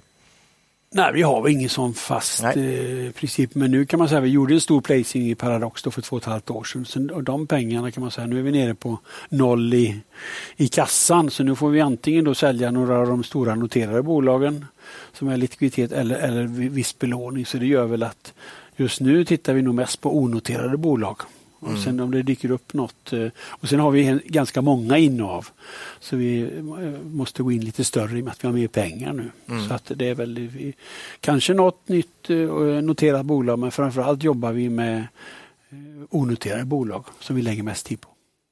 Vad är största skillnaden mellan noterat och onoterat? Är det liksom prisfrågan? Att det brukar vara en viss rabatt utanför börs. Men andra sidan är ju inte den transparent. Så säger man. På börsen kan man alltid se vad, vad något handlas i. Och så Ja, men det är väl det som är spännande. Att kunna köpa spännande bolag till mycket lägre multiplar. Börsen är det ändå även privatpersoner. Så det är väl det som är spännande. Sen är det nackdelar med likviditet och osäkerhet. Men man, man kan ju komma in i spännande bolag på det är helt andra värderingar än motsvarande bolag skulle varit på börsen. Så det är väl det som tycker jag lockar, lockar med onoterat. Mm, bra. Eh, ja, vi eh, tänkte byta ja, ämnena kommer bli de samma, men, men lite ingången. Vi har pratat om dig och din Spiltan och sådär. Tänkte vi faktiskt gå över då till eh, din bok Så här kan alla svenskar bli miljonärer. Ett bra, en bra extra till, tillägg där nu är att du också har skrivit med råd och livsvisdomar som gör dig rik. Det tyckte jag var lite på Buffett. Eh, mm. Han försöker liksom på något sätt påverka folk och, och leva ett, mer, ett bättre liv också va? Ja, lite grann så. Mm. Det, försöker väl ha lite sån filosofi också, vad man ska sätta, sätta sina pengar på. Och man kanske mår bättre om man har Istället för att köpa dyra klockor och, och göra slut på alla pengarna kan man må ju faktiskt bättre om man alltid har en sparad slant. Och jag skulle kunna göra det, jag skulle kunna göra den resan men jag gör inte det. Jag vill ha mm. mycket mer pengar i framtiden. Man, man får en personlig frihet. Det är väl en viktig del. Mm. Lite trygghet i att veta ja, om att man ja. har det klart. Det är att kunna avstå något för att få mer i framtiden. Då. Eh, nu, det, det, här är ju intressant, för min första fråga det gäller ju namnet på boken. Då. Den eh, kom ut första gången 2008. Eh, den heter alltså Så här kan alla svenskar bli miljonärer. Eh, och eh, då var ju en miljon, det var ju mycket pengar. Men, men sen dess då så är lönerna upp 40-50 procent och bostäderna då ska vi ju inte tala om. Även fast de har fallit tillbaka lite i år så är de 100 procent upp ungefär i snitt i riket. I Stockholm är det säkert värre. Värre. Ja. Många är nog glada Claes. Ja, men, men, men de som ska in här, ja, det är ja. de som sparar för Ja, att, ja, ja, ja, som läser boken här. Så då funderar, på, funderar du någonsin på att döpa om boken till Så kan alla svenskar bli mångmiljonärer? Nej, jag tycker väl att det är ganska bra med miljoner. är ju ändå en dröm. För Mm. att här är ju problemet att de allra flesta man träffar, det, det går inte. Det är inte sant. Mm. Och jag hävdar att det är sant. Om man sparar ett litet belopp och lägger av varje månad, då blir det, det är sant. Utan det, för jag vill påstå för 60-70 procent av svenska befolkningen så är, är det något helt omöjligt att, att, Mm. att nå den här mil, miljonen. va. Så jag tycker väl att det är en, en, en bra fortfarande en, en, en bra eh, titel. Mm. Sen har vi haft, men det är klart att vi har haft bra, men vi har ändå haft sedan 2008 det- och det är ju det som är det roliga med det här att det kommer folk nästan varje vecka som har, har, ly, lyssnat på råd när jag började spara då 2008 och nu har jag faktiskt en miljon. Det är ju det som är så fantastiskt kul att, att det faktiskt fungerar och vi har ändå haft 2011, 2018, 2022, vi har tre ganska dåliga börsår under den här ja, 14-årsperioden och ändå fungerar det att man inte, man, om man fortsätter att spara när, när börsen har gått ner. Mm. Ja, och det här märks ju då, för du har ett jättebra förord i nya upplagan av Helena Svensson eh, som jobbar med spar... Hon jobbar på Splittan nu. Ja, jobbar på Splittan, men hon jobbar också med Sparebellen. Ja, just det, Sparebellen och, och Spar. Vi har ju startat den här Sparklubben, är ju gammal, eh, som, som vi haft med, med Sparebellen. Hon ska ju intervjua just människor som har, har, har följt de här råden och vi delar ut böcker till skolor då för att vi, det är många som har sagt att det borde ni göra. Så det gör vi som en liten ESG-satsning att folk ska bli, lära sig då. Ja. Nej, Vi startade ju faktiskt den här podden för att vi ville, ja, folkbilda vet jag inte, men vi ville att det skulle finnas ett alternativ. Till, vi ville den här vägen sprida lite mer kunskap om hur man kunde investera långsiktigt på börsen och vad värdeinvestering var. Då. Eh, och eh, du brinner ju också uppenbart väldigt hårt för det här med folkbildning inom sparande. Varför har det blivit så? Ja, det är, väl, eh, det är väl jättekul som jag sa förut att man får de här som har följt de enkla råden. Jag vill hävda att jag har skapat fler miljonärer än Postkodlotteriet till exempel. Ja, det Som- jag som- säkert. Det är jag helt det är min, är, jag- är min och det är jättestimulerande. Och så är det klart att jag, jag säger att alla, alla, alla rådgivare är säljare i finansbranschen och det är klart jag har ju ändå eh, med Spiltan Fonder är ju alla svenskar målgruppen. Så jag har ju ett litet egenintresse som spiller över till, till Spiltan givetvis att jag gör det. Men, men, men huvud, huvuddelen är ju att det är liksom, både för Helena och mig är det ju jättekul att, kunna ta fram de här exemplen och visa att det faktiskt går. För det är ju den stora utmaningen att, att de flesta människor tror att de köper lotter och, och, och, och de tror att det inte är möjligt. Och det är klart att det är jättetufft nu med elpriser och inflation och räntor. Men det är klart att det är, det är lägre kostnader än intäkter varje månad. Så då går det faktiskt. Mm. Och sen beror det bara hur mycket man kan sätta av och hur långsiktig man är då. Vem skulle du säga att den här boken riktar sig till? Ja, det är ju egentligen alla svenskar. Jag vill påstå att det är, de, det, det är klart att nu är det ju många då som har, ja, de är kunder på Avanza Nordnet men det kanske är 10-20 procent. Resten av befolkningen har, tror inte på det här och de, de har aldrig försökt. Och det, de vågar inte börja. Det är oj, aktier, jag kan ingenting. Och liksom, men det är ju egentligen ganska enkelt. Det är ju budskapet att du kan köpa svenska investmentbolag, inte göra någonting, fatta ett beslut och du slår alla Då, då, då kanske det egentligen lite mer riktar sig till de 80 procenten som inte ens... Ja, det vill jag påstå. Det är ju utmaning och det har ju varit jättespännande nu med, med det här nya förlaget Mondial som har lite, ja, till exempel året runt har en artikel om Ah, det. Och- och okej. det är klart, och Mm, det- så det kanske kommer det, ut. Då, då kommer det ut lite bredare Ja. än, än, äh, än, än Till de redan här, invigda, De, de här f- äh, som nu är redan kunder och de kan ju det här redan. Ja, jag hade faktiskt Postkodlotteriet som var och knackade på hemma hos mig häromdagen och antydde att nu hade jag chans att vinna massa pengar här. Eh, Det var någon grannyra på gång. Så jag var tvungen att fråga vad det där kostade. Eh, Man ska ha mer än en lott tycker de. 100, ja, 170 spänn tror jag en per lott månad. kostade och, och per månad och han tyckte nog att jag skulle ha några lotter i alla fall. Det, det, är klart, det är klart han tycker. Han ringde på på dörren. Ja, ja, och eh, antydde ganska tydligt att det här var en unik chans, att det var nästan lite hemligt va, att jag hade chans att gå med nu här. Oj. Trots att jag inte hade varit med innan. Men grannyra, de, vet väl inte att det är... Nej, det är klart de inte vet. Men, men du vet... Ja, okej. Ja. Nej, för jag brukar så, ju säga så går det. vinsten till Ljungsbro nu, då, då, då visste den här killen, då har vi ett problem tror jag. Oj. Men då är det kört för dig, för då vann alla dina grannar. Det är det du ska tänka på. Nej, men jag säger ju det. Jag, det jag håller, jag håller ju föredrag om ränta på ränta och förklarar Mm, det. Och du säger det. Eh, då 25 procent av svenska hushåll har Postkodlotter och de, när man väl börjar då vågar man inte sluta. Nej. För då kan ju grannarna vinna. Så Ja. det är briljant marknadsföring Ja, ja. och de lägger hur mycket resurser men det är ju bara 25 procent som går tillbaka till lotteri. Sen ger de till 25 procent värde men 50 procent kostar det att skicka ut folk och skicka ut alla breven och tv-program och så är de miljardärer som Mm. Ja, äger gör en bra avans. Men om du då sätter av 170 kronor varje månad och du tror en svensk indexfond så är vi optimistiska och då tror att det är 10 procent. Då har du en miljon om, om 40 år. Och skillnaden här är ju att du är säker på att bli miljonär. Jag vet inte det kan ta 57 år, det kan ta 30 år. Och klart, om man istället sätter av 10 procent och tjänar 25 000 och 17 1700 kronor, då kanske du har 20-25 år. Så det, så det, det, det Ja. visar att det här, det här fungerar. Men, men, men, men det är ju det är ju bara för att säga alla kan bli rika på aktier men man får inte ha bråttom. Nej. För du, hade, du kan vilja ha bråttom, du vill, du vill ha miljon imorgon. Ja. och så startade du det här, det här eh, lotteriet då. Ja, jag skickade ju vidare den där killen, men han lyckades fånga några av grannarna, så de är ju duktiga på den här fear, FOMO, alltså fear of missing out. Det är ju... ja. Jag, jag tror många skulle... Nej, men just det här att dina grannar ska stå och jubla, det- den, den tror jag många har ångest inför, så att säga. Eh, Ja, Jag ska vara jätteglad för dem. Eh, så Ja, det är känns bra. Ja, Du, du, I boken är det väldigt tydligt att du har en aversion mot aktieindexobligationer.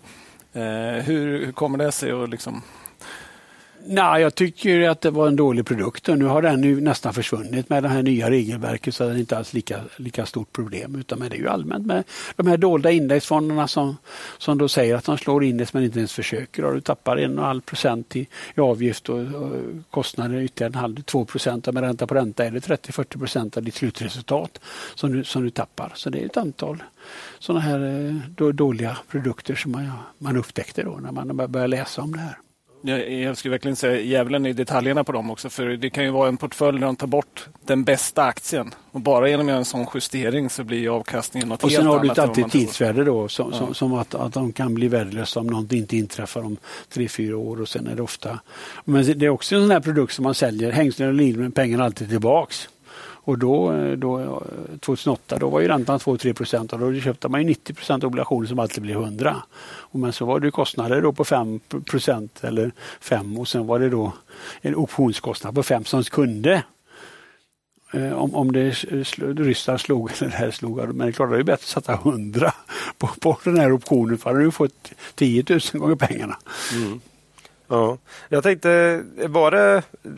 Du, du brinner ju för sparande och upplysa, men var det också lite aversion mot de här lite fula eh, knepen som fick dig att fatta pennan här? Första gången du skrev Ja, boken? det var ju det och sen var Mm. det ju att, att eh, från början eh, var det väl allmänt när jag eh, när jag startade Spiltan där då, hur ska jag motivera mina vänner, bekanta släktingar och det var då jag läste på. Jag läste massor med amerikanska och engelska böcker om sparande så det var så jag motiverade dem. Så då sa jag från början sa jag faktiskt köp en indexfond till 70 procent och se mig, ge mig 30 procent av pengarna. Det var ju ursprungliga budskapet 1997.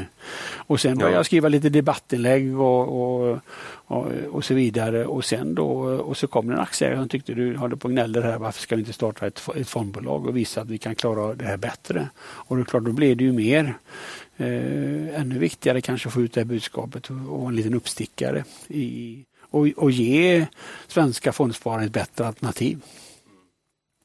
Eh, ja, och vi tittar på boken här nu då, som kommer ut i, i, i nyupplaga. Vad är, vad är den största skillnaden med den här versionen och den, den förra?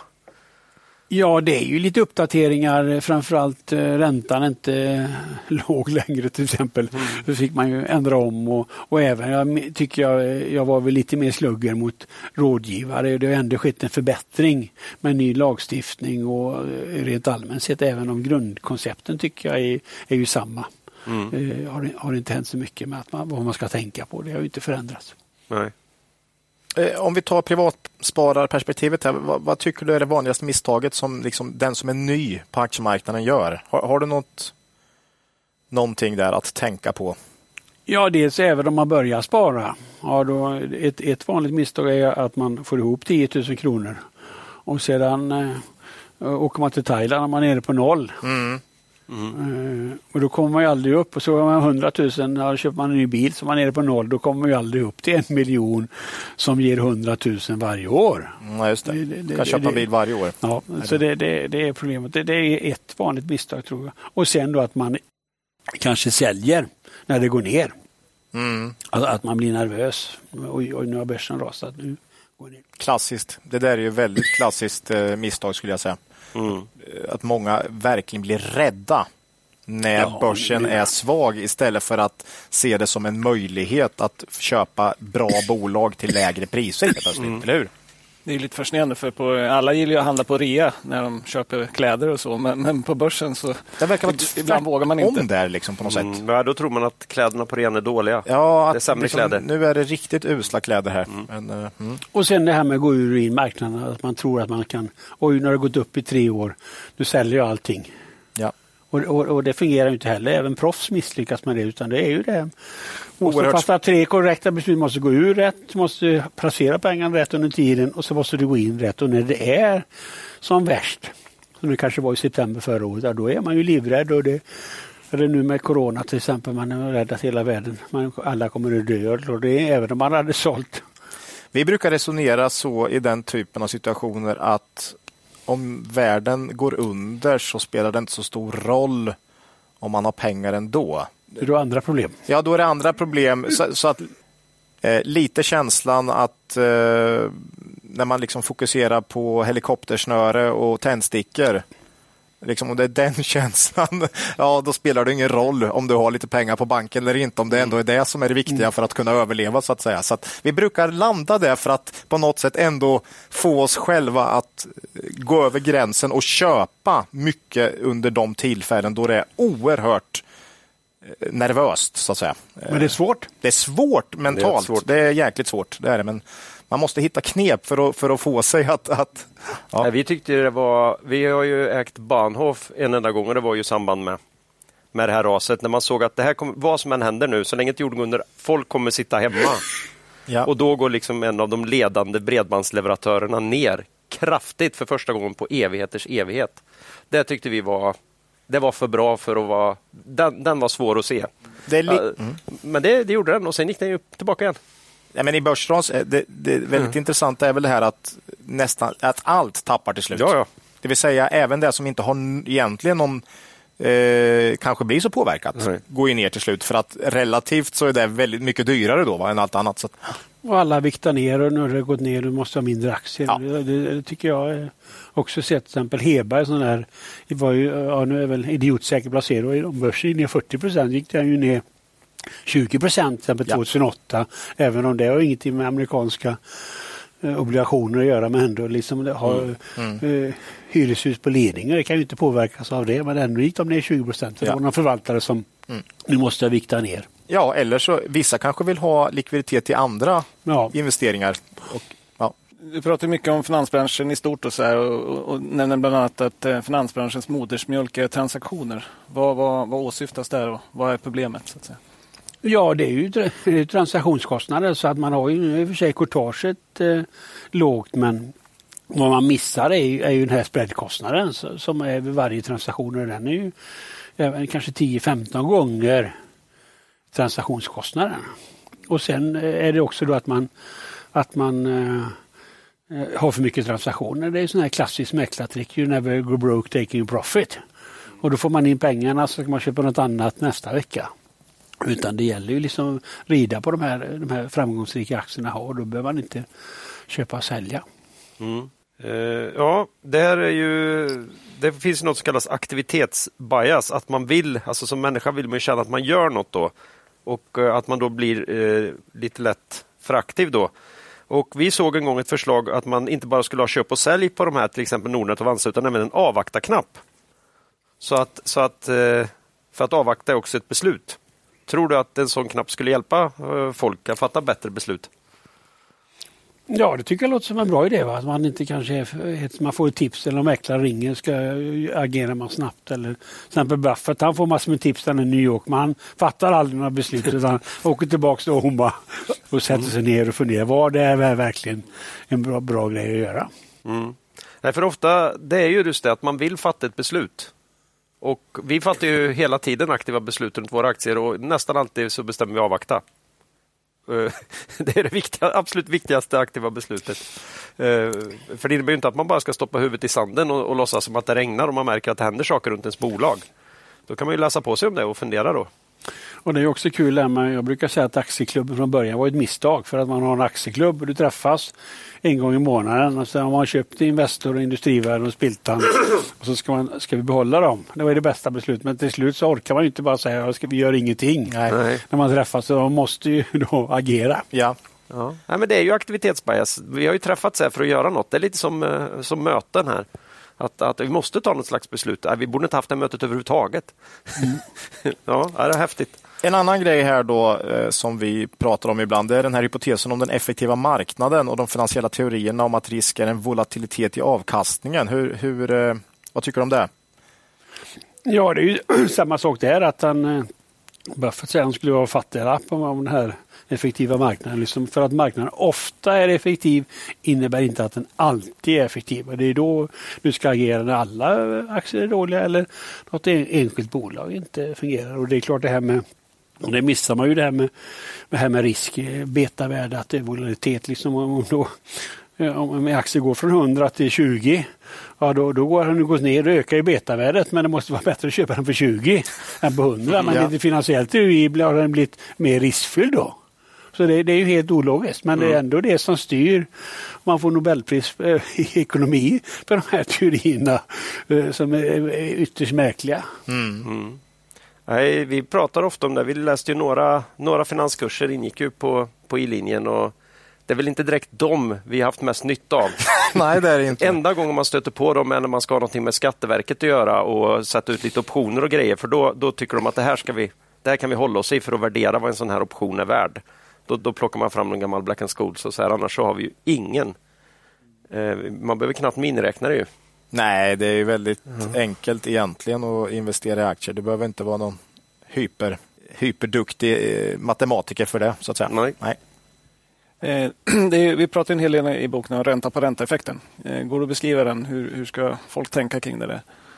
Ja, det är ju att eh, det är avkastning på den tidigare avkastningen. Så det är bara att slå en, en, eh, en miniräknare 1,1 gånger 1,1. Då blir det ju inte Första gången blir det 1,1 men sen blir det faktiskt 1,21 men sen blir det mer hela tiden. Va? Och det, då blir det den tidigare avkastningen. Det är det som är eh, så fantastiskt med den här ränta på ränta-effekten. Och även ett litet belopp blir det ett stort belopp med långa spartider och höga procentsatser. Och det var ju exemplet där med Postkodlotteriet var ju ett exempel. Då. 170 kronor blir en miljon om man sparar varje månad. Så det, det är väl det som är. Mm. Förstår folk hur, hur kraftfull den effekten blir över tid? så att säga? Nej, problemet är att det syns ju inte i början. Mm. Det är ju det som är problemet även där. Men sen om du har en miljon, då du ju, har, har du ju hundratusen eh, var, varje år. Så att det är ju problemet också även där, att det tar tid att bygga upp den här, det här självspelande pianot. Det finns ett pedagogiskt problem där så att säga, för folk att förstå att... Ja, man är ju i sitt nu så att säga och så måste man ju skippa någonting idag i, i, i nuet för att få något mycket, mycket mer i framtiden. Och det är klart att det är inte alla. Man är hela tiden lockad med konsumtion och, och göra saker. Mm.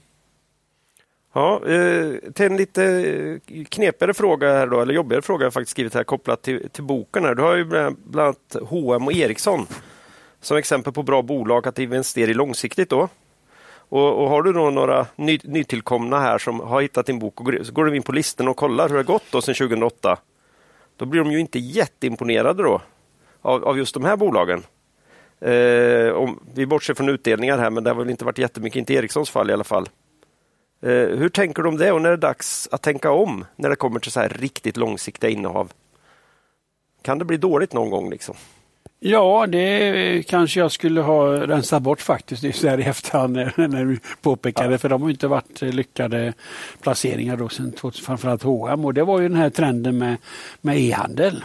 Eh, och mm. exempel eh, Erik Brännström då, han, han eh, lyssnar på Apoteas grundare då, e-handelsexpert och han eh, lyssnade på honom och funderade. H&M ligger, ligger efter här. Gick, gick och sålde sina hm aktier som han hade i stabilfonden. Men det vill jag påstå det svåraste beslutet mm. man kan ta. För man är kär i bolag och absolut eh, att, man, att det är svårt att hoppa av. Några, några gånger blir det så. Men jag kan ju gå, gå tillbaks. Vi ska göra en uppdatering här. Jag ska göra den här Sparebell 2009 skrev jag en bok om, om, eh, om Buffett och då hade jag ett antal, vilka bolag skulle Buffett investerat i i Sverige? Ja, det var ju Fortnox, mm. eh, barriärer i intäkterna, den har gått från 170 miljoner till 30 miljarder. Avanza 2,7 miljarder till 40 miljarder. Eh, och de enda missarna var faktiskt H&M och Clas Ohlson, starka varumärken. Ja. Så, så de missade e-handelstrenden. Sen var det då bolag med goda framtidsutsikter, Beijer F och Nibe. Mm. De har gått fantastiskt bra. Och sen är det alla investmentbolag. Mm. Investor har gått sju gånger pengarna. Eh, Spiltan har gått 70 gånger pengarna men Industrivärden har gått fyra gånger pengarna. Och där enda missen var Ratos då som sålde bra bolag för tidigt. Men de har kanske bättrat sig nu då. Mm. Så det, det, det är fantastiskt. Det går att köpa en bok och köpa alla bolag du hade fått på, på, på ja, 13-14 år hade du fått ja, 6-7 gånger pengarna. Mm. Och börsen har gått upp 3 mm. gånger pengarna. Mm. Precis. Nej, men H&M och Clas Ohlson, det är lite paradigmskifte som har skett och ibland så händer ju sånt. Ja. Eh, och då får man väl fundera på om det kanske är så att um, det inte är ett kvalitet, eller någonting har hänt som försämrat det här bolagets framtidsutsikter. Nej, det är väl lite det jag känner. Du säger också att det bästa är att köpa ett investmentbolag för då sitter du i samma, i sitt, i samma de ja, som förvaltar ju... det och då kommer de fixa det här åt dig. Då behöver, de kommer märka en Ericsson Nej, du får ju riskspridning och du får ägare som är måna. De har ofta sina stora, alla sina pengar, mm. huvuddelen av sina pengar i de här. Mm. Du har låga förvaltningskostnader och så länge du inte belånar så, så är det ju inte något problem egentligen. Nej. Det är väl just den diversifiering-tanken. Du får flera olika innehav. Du satt bara med Ericsson och H&M hade inte varit så kul. Men Nej. om du hade en portfölj med 10-15 stycken så kanske det inte hade gjort lika mycket. så att säga. Men väldigt många har läst sitter på alltså snitt kanske är två, tre aktier eh, som sparare har. Jo, men det var samma då när Telia kom ut på börsen. Ja. Då hade man ju Telia, så hade man Telia och Ericsson. Mm. Då är man ju väldigt exponerad mot, ja. Det går ju väldigt bra om de går bra då, ja. men, men, om det inte gör det så... Mm. Eh, om vi ska ta några lärdomar här från, som läsarna ska ta med sig. Är det något du vill lyfta fram där? Vad är de viktigaste? Ja, det är ju det här med att sätta av ett belopp. Ja. 10 eh, procent till exempel. Det är ju världens äldsta sparår när man får in pengarna. För annars blir det inte, när man får tjäna mer, då blir det mer dyrare viner och mer räksmörgåsar. Utan det är ju enda sättet. Det är att sätta av ett belopp när man får in pengarna. Ska man inte och kunna så, logga in på Avanza sen och, eller Nordnet och, och, plocka ut igen? Eller ska man sätta ja, då ska man ju fortsätta. Och sen kan man ha en, en ytterligare 10 procent kanske till någon som man kan konsumera. Men för det här långsiktiga sparandet, de ska man inte röra då. Så är det ju aktier eller aktiefonder som man måste ha. Mm. För du ska få nu inflationen högre för att få mer köpkraft i framtiden. Måste du, och, då måste du, och så måste du ta den här, de här nedgångarna som kommer då med jämna mellanrum. Mm. Eh, och, och, våga och vara medveten om det. Det är väl det klassiska rådet tycker jag. Ja, Nej, det, är, det är så väldigt lätt att börja anpassa sig efter sin, sin inkomstnivå. Jag märker det när, vi reser, när man reser med familjen. Liksom. Det är, var, var den här resan till fastlandsspanien sämre än den dubbelt så dyra, eller som man skulle gjort för tio år sedan, som den dubbelt så dyra nu då till Kanarieöarna här.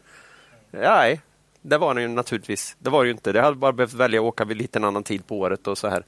Nej, nu kunde jag göra det. Ja, men de pengarna finns ju inte kvar att spara här nu då. Nej. Så ja, det gjorde lite ont för jag satt nämligen och läste din bok Samtidigt under så... den här resan nu då. Mm. Och eh, insåg att ja, Började räkna på eh, ränta på ränta? Liksom, ja, det, gjorde, det gjorde faktiskt lite ont och jag har börjat göra lite förändringar i mitt liv här kan jag säga för att eh, ta hänsyn till det, för det gjorde mig lite sur. Ni har hört den här eh, Buffett och att han plockar upp en quarter och sådär va? Ja. Enda miljardären som gör det på gatan orkar böja sig ner och ändå plocka upp den där för att han vet det här är liksom oerhört mycket pengar om man blickar fram 20 år. Då. Mm. Han ser något helt annat. Han ser något helt annat än den korten där så att säga. mm. Jag brukar köra med jag har alltid en 100 dollar jag tar fram och visar. Här, titta här. Mm. Eh, Bill Gates tar inte upp den, det har inte värt hans tid att lyfta upp det, men han säger 81 000 dollar. Mm. 30 år, 25 procent årlig avkastning. Har ja. du 100 dollar? Då är det värt. Men då ska ja. ni inte ha den i fickan, då ska vi investera. ja, det är sant. Mm. Det är sant. Ja. Ja. Eh, det, det, I slutet på boken tycker vi var väldigt bra frågor och svar. Eh, med frågor som har kommit in och svar som ni har gett. Det är ganska hårda toner mot finansbranschen i stort. Där. Spiltan Fonder är ju trots allt en del. Vi var inne lite grann på det. Men hur, hur skulle du säga att ni skiljer er mot finansbranschen? Ja, dels är det ju Spiltan Fonder är några fonder som har extremt låga avgifter och varit framgångsrika med det. Investmentbolagsfonden Eh, 0,2 procent och räntefonder 0,1 procent. Så det har ju varit en, en framgångsformel. Och sen då när det gäller de aktiva fonderna att man verkligen sticker ut och, och, och väljer kanske inte Ericsson eller säljer H&M och, och, verkligen vågar sticka ut. Och det är klart att det, och det måste man göra när man har ett litet fondbolag och man ska växa. Och det är också naturligt i en stor organisation. Liksom, om, om, om Ericsson går upp 100 procent och du inte har Ericsson, då kanske du blir av med ditt jobb. Och om Ericsson går ner 50 procent ett år, då är det någon annans fel än analytikernas fel. Så det gör ju att man har en benägenhet att, att, att satsa på de säkra korten och, och vinta lite grann. Och, och det, som är, och det, det, kan man inte göra som ett lite mindre fondbolag. Uh, lite reklam för boken här då. Vi har ju våra lyssnare. De placerar ju ofta redan sina egna pengar. Eh, och då tänker man varför ska de läsa varför ska de läsa din bok? Till att börja med brukar vi alltid säga att många av våra lyssnare får frågor från sin omgivning. Hur, vad, hur ska jag agera? Det är jättevanligt. Den frågan får vi. Vad ska jag säga till den och den? Jag vill inte ta ansvar för deras ekonomi. Då brukar vi tipsa om olika böcker. Det här är definitivt en bok man ska sätta i, i händerna på någon. Och orkar ni inte läsa den här så har du Hur man blir miljonär i hängmattan som nästan kan ses som en, en lite kortversion av den här boken. Va? Ja, kan man säga. Ja. Eh, men våra lyssnare då och jag själv, ja det här att, att verkligen fundera över varför skulle inte jag kunna sätta av 10 procent? Det är nog få av dem som gör det ändå. Många, några gör det, men långt ifrån alla. Jag gör det inte till exempel. Och den, fundera över det. Varför hamnar jag där? Tänk så mycket mer pengar du tjänar idag än vad du gjorde för några år sedan. Jag tänker eh, en grej där. Jag tänker också att senaste vintern har bevisat hur folk klarar att ändå spara ja. orimligt mycket.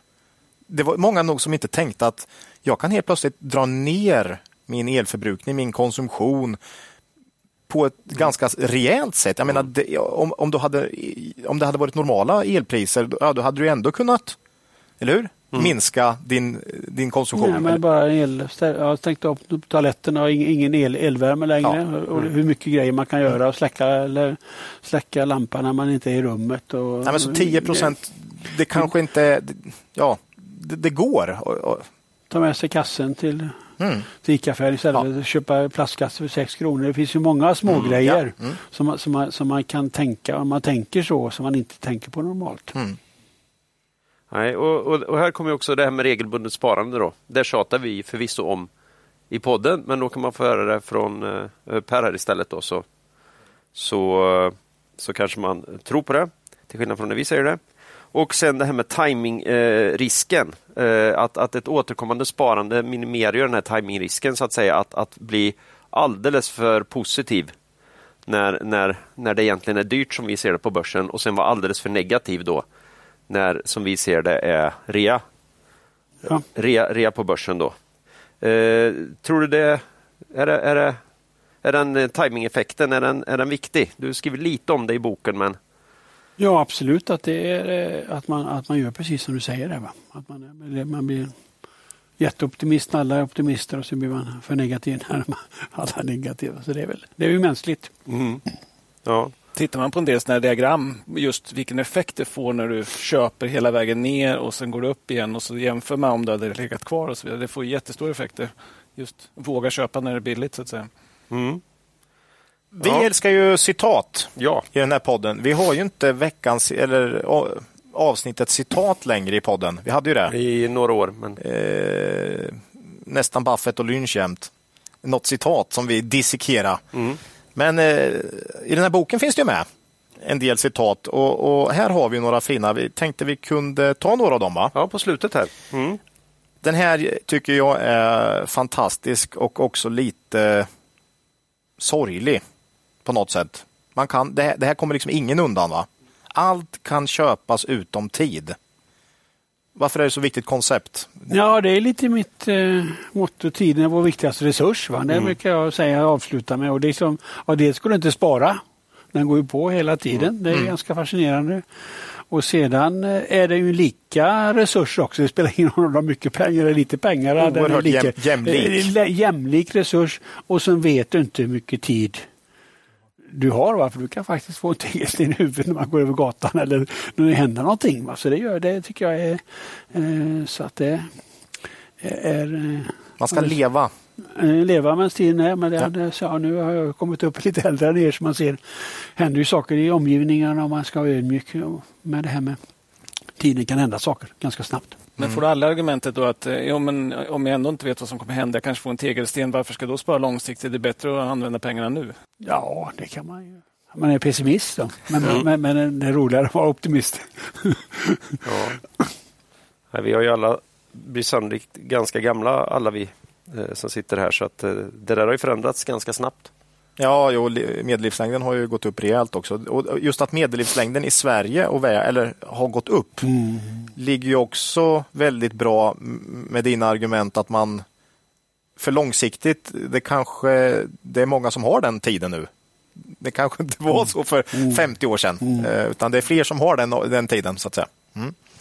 Ett, ett annat citat då. Eh, om ditt mål i livet är att tjäna pengar så att du kan sätta sprätt på dem så kommer du aldrig bli rik. Om ditt mål är att bli ekonomiskt oberoende och bygga upp en förmögenhet finns det stora chanser att lyckas. Hur ska man se på det? Ja, det är väl lite grann samma som när man bygger företag. Va? De som bygger företag för de ska tjäna massor med pengar. Det, det kanske inte blir så bra men när man bygger företag, man, man, man drivs av någonting, man är engagerad och då blir det, kan det bli jättebra. Så det är väl lite grann samma sak här. Maxar och, och då, blir, då är väl risk att man gör slut på pengarna också. Om man tar ut pengarna om man, om man har det, om det synsättet. Eh, den här är ju en oerhört viktig eh, take-out från, från, från eh, dina böcker.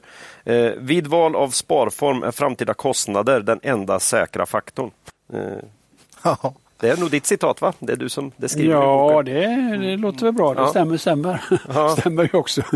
Ja. ja, men det är, ju den, det är ju den motsatta ränta på ränta-effekten. Ju mer avgifter du betalar desto mindre får du kvar som jobbar, eh, som jobbar för dig. Och, och här, här har man en möjlighet att välja. Eh, Du, vet, du kan inte välja avkastning, du kan skapa förutsättningar för en god avkastning men du kan ju faktiskt välja vad du ska betala Just det. för någonting. Det finns det ju alternativ där man betalar mindre och generellt sett så, så är väl de gynnsamma att, att eh, söka sig till. Så. Ja, sen sista den hade vi uppe här förut. va? Alla kan bli rika på aktier bara man inte har bråttom. Och det är ju Warren Buffett som har sagt det. Eh, Den kanske är bra att bara avsluta med den helt enkelt. upprepa igen. Upprepa igen. Ja, ja. Eh, Okej. Ha inte bråttom. Det är väldigt svårt. Eh, det, det är ju något, framförallt tycker jag, lite sorgligt också den att desto yngre, desto mer bråttom har du.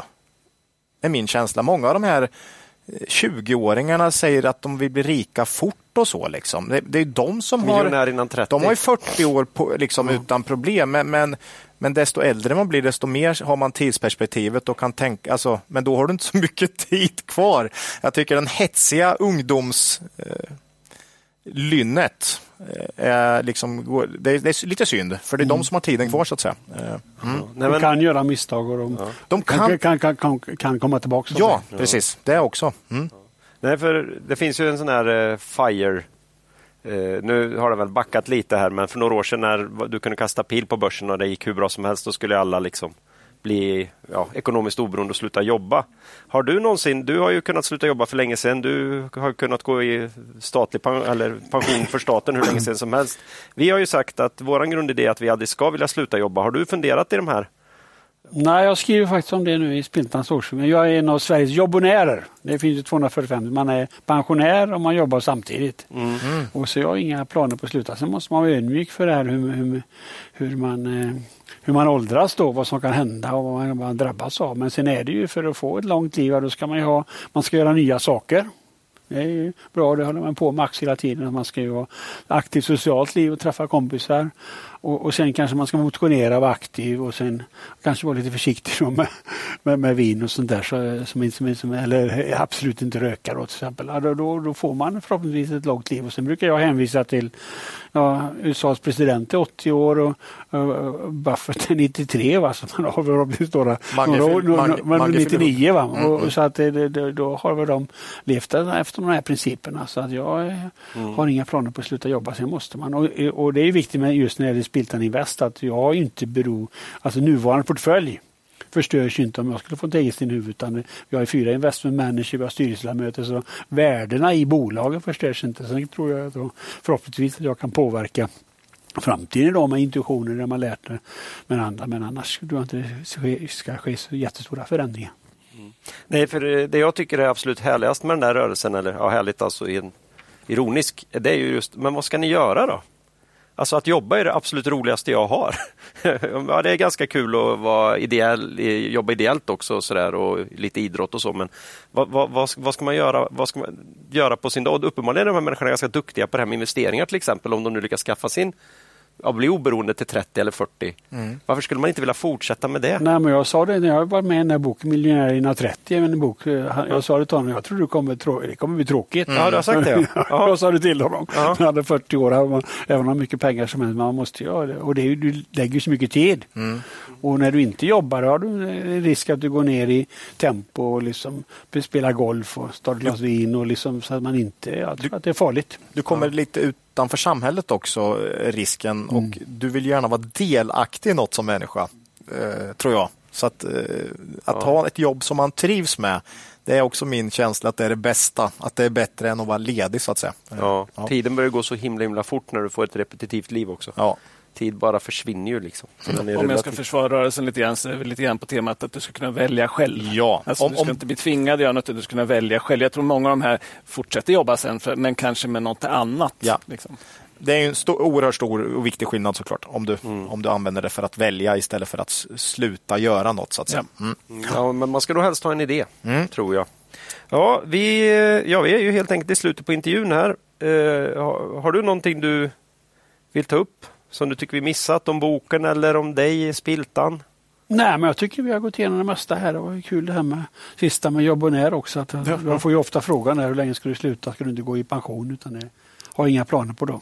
Jag har aldrig hört det ordet. Finns det med i ordlistan? Ja, det, det sa väl Hemingway tror jag till och med. Det är världens fulaste ord, pensionär. Eller, ja, just det. Ja. hon, när man kommer upp. Det är som att bestiga ett berg. Man blir lite andfådd men man får bättre utsikt. Ja.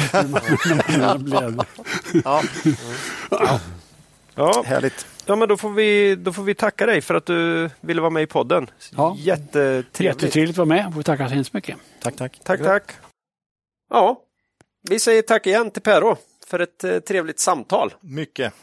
Mycket. Det var kul. Mm. Eh, nu ska vi avslöja att när vi, gick ifrån, när vi gick från Spiltan här så snodde vi ju med oss fyra ex av boken. Mm. Snodde och snodde. Det... Nej, det var, vi, vi, vi fick dem, men det lätt. Ja, nu försökte man vara lite cool ja. och så får man skit här direkt. Det är data mining och det är stöld. Ja, och det är, stöld det, det är riktigt som bad boy. Bad boy. Det är inte coolt nej, att stjäla. Nej, det är det väl inte. Vi fick eh, med oss fyra ex här och eh, de tänkte vi lotta ut här direkt. Här och nu. Ja. Hur gör man, gör man då för att vara med på den här utlottningen? Jo, man skickar ett mejl till podden kontakt kvalitetsaktiepodden.se. Mm. Enda som ska stå i ämnesraden är Per H.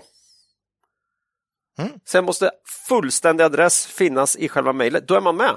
Det räcker så ja. allt. Per, per, H behöver inte skicka in. Han, han, han, han hade några. Han man, hade man några. får skriva något trevligt också. Ja, om man vill. Det får man. Ja, alltså, nej, så länge du skriver Per H. Ja, i ämnesraden. Ja, jag, ämnesraden. jag menar ja. i mejlet. Ja. ja, där får man skriva. Man behöver med sin adress, sen får man göra vad man vill. Ja. Eh, vi stänger utlottningen innan nästa podd den 30 mars. Kul! Mm.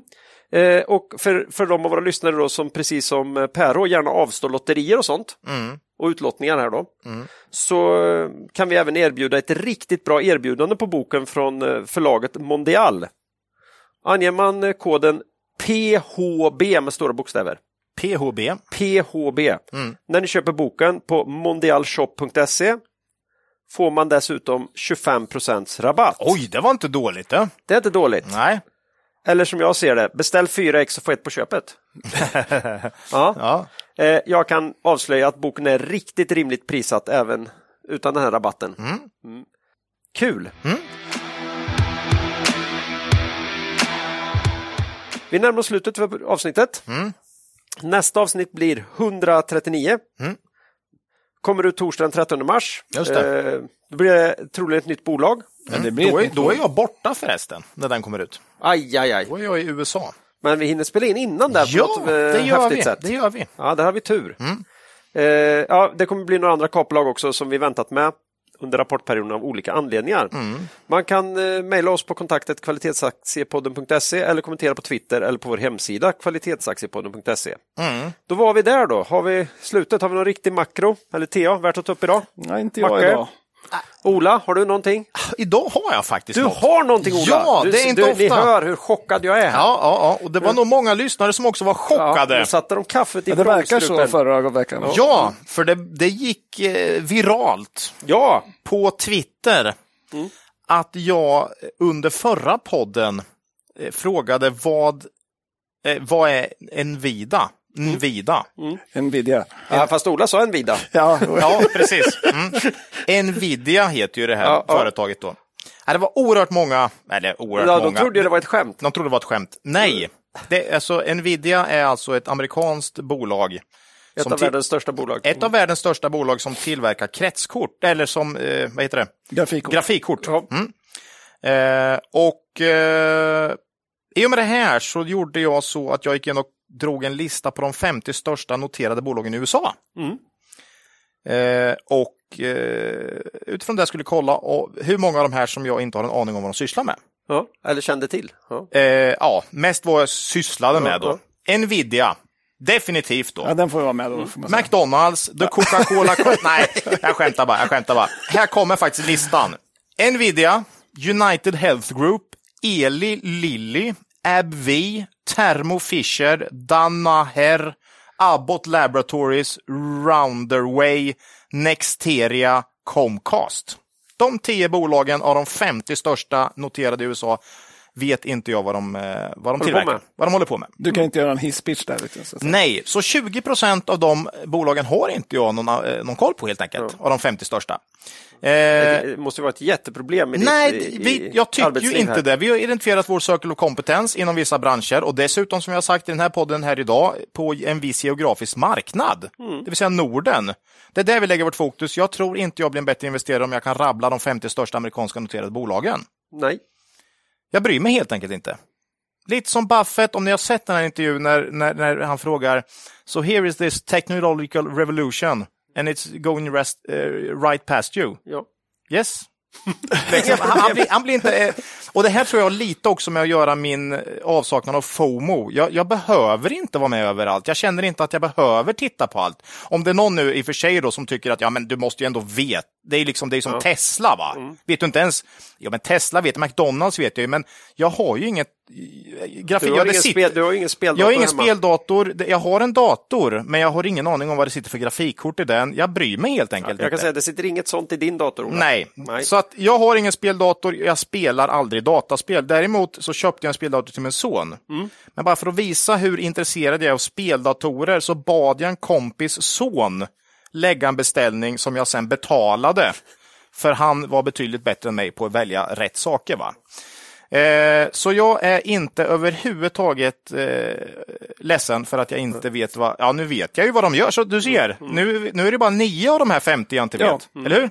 Det går framåt. Men du, du kan nog hinna glömma bort det igen här om du bara får Eh, Mycket, lite mycket, tid. mycket möjligt. Och det är inte så att jag nu satt och kollade upp de här nio bolagen för att kun... Jag orkade inte ens lägga den tiden. Nej. Det hade man kunnat göra nu för att veta all... är du med? Ja. Nej. Home bias, know your circle of competence. Där stannar vi. Ja, Så var det med. Härligt. Eh, eget ägande då? ja, det var en del va? Det var allt. Jag tror det. Björn Borg, Björn Borg och Scanfis. jag Bröderna. Hartman. Tokmoney och VBG. Så alla fem bolag idag. Ovanligt faktiskt. Mm. Det var nog ett tag sedan. Ja, Ja, eh, vi vill ju innan vi slutar påminna lyssnare om den fina möjligheten som finns att månadsspara i Cavaliers fonder. Det kan man enkelt göra både eh, via Nordnet och Avanza till exempel. Mm. Och då även i sitt pensionsspar om man nu har det där. Eh, kom ihåg att historisk avkastning i fonder inte behöver vara en indikator på framtida avkastning och att ni kan förlora delar av ert satsade kapital då fonder både kan gå upp och ner i värde. Mm. Eh, men det vill vi tacka alla våra lyssnare för att ni återigen har gett oss så mycket av er tid. Och ber er komma ihåg att det är först när tidvattnet drar sig tillbaka som vi får se vem som badat naken. Lose money for the firm and I will be understanding. Lose a shred of reputation for the firm and I will be ruthless. I welcome your questions.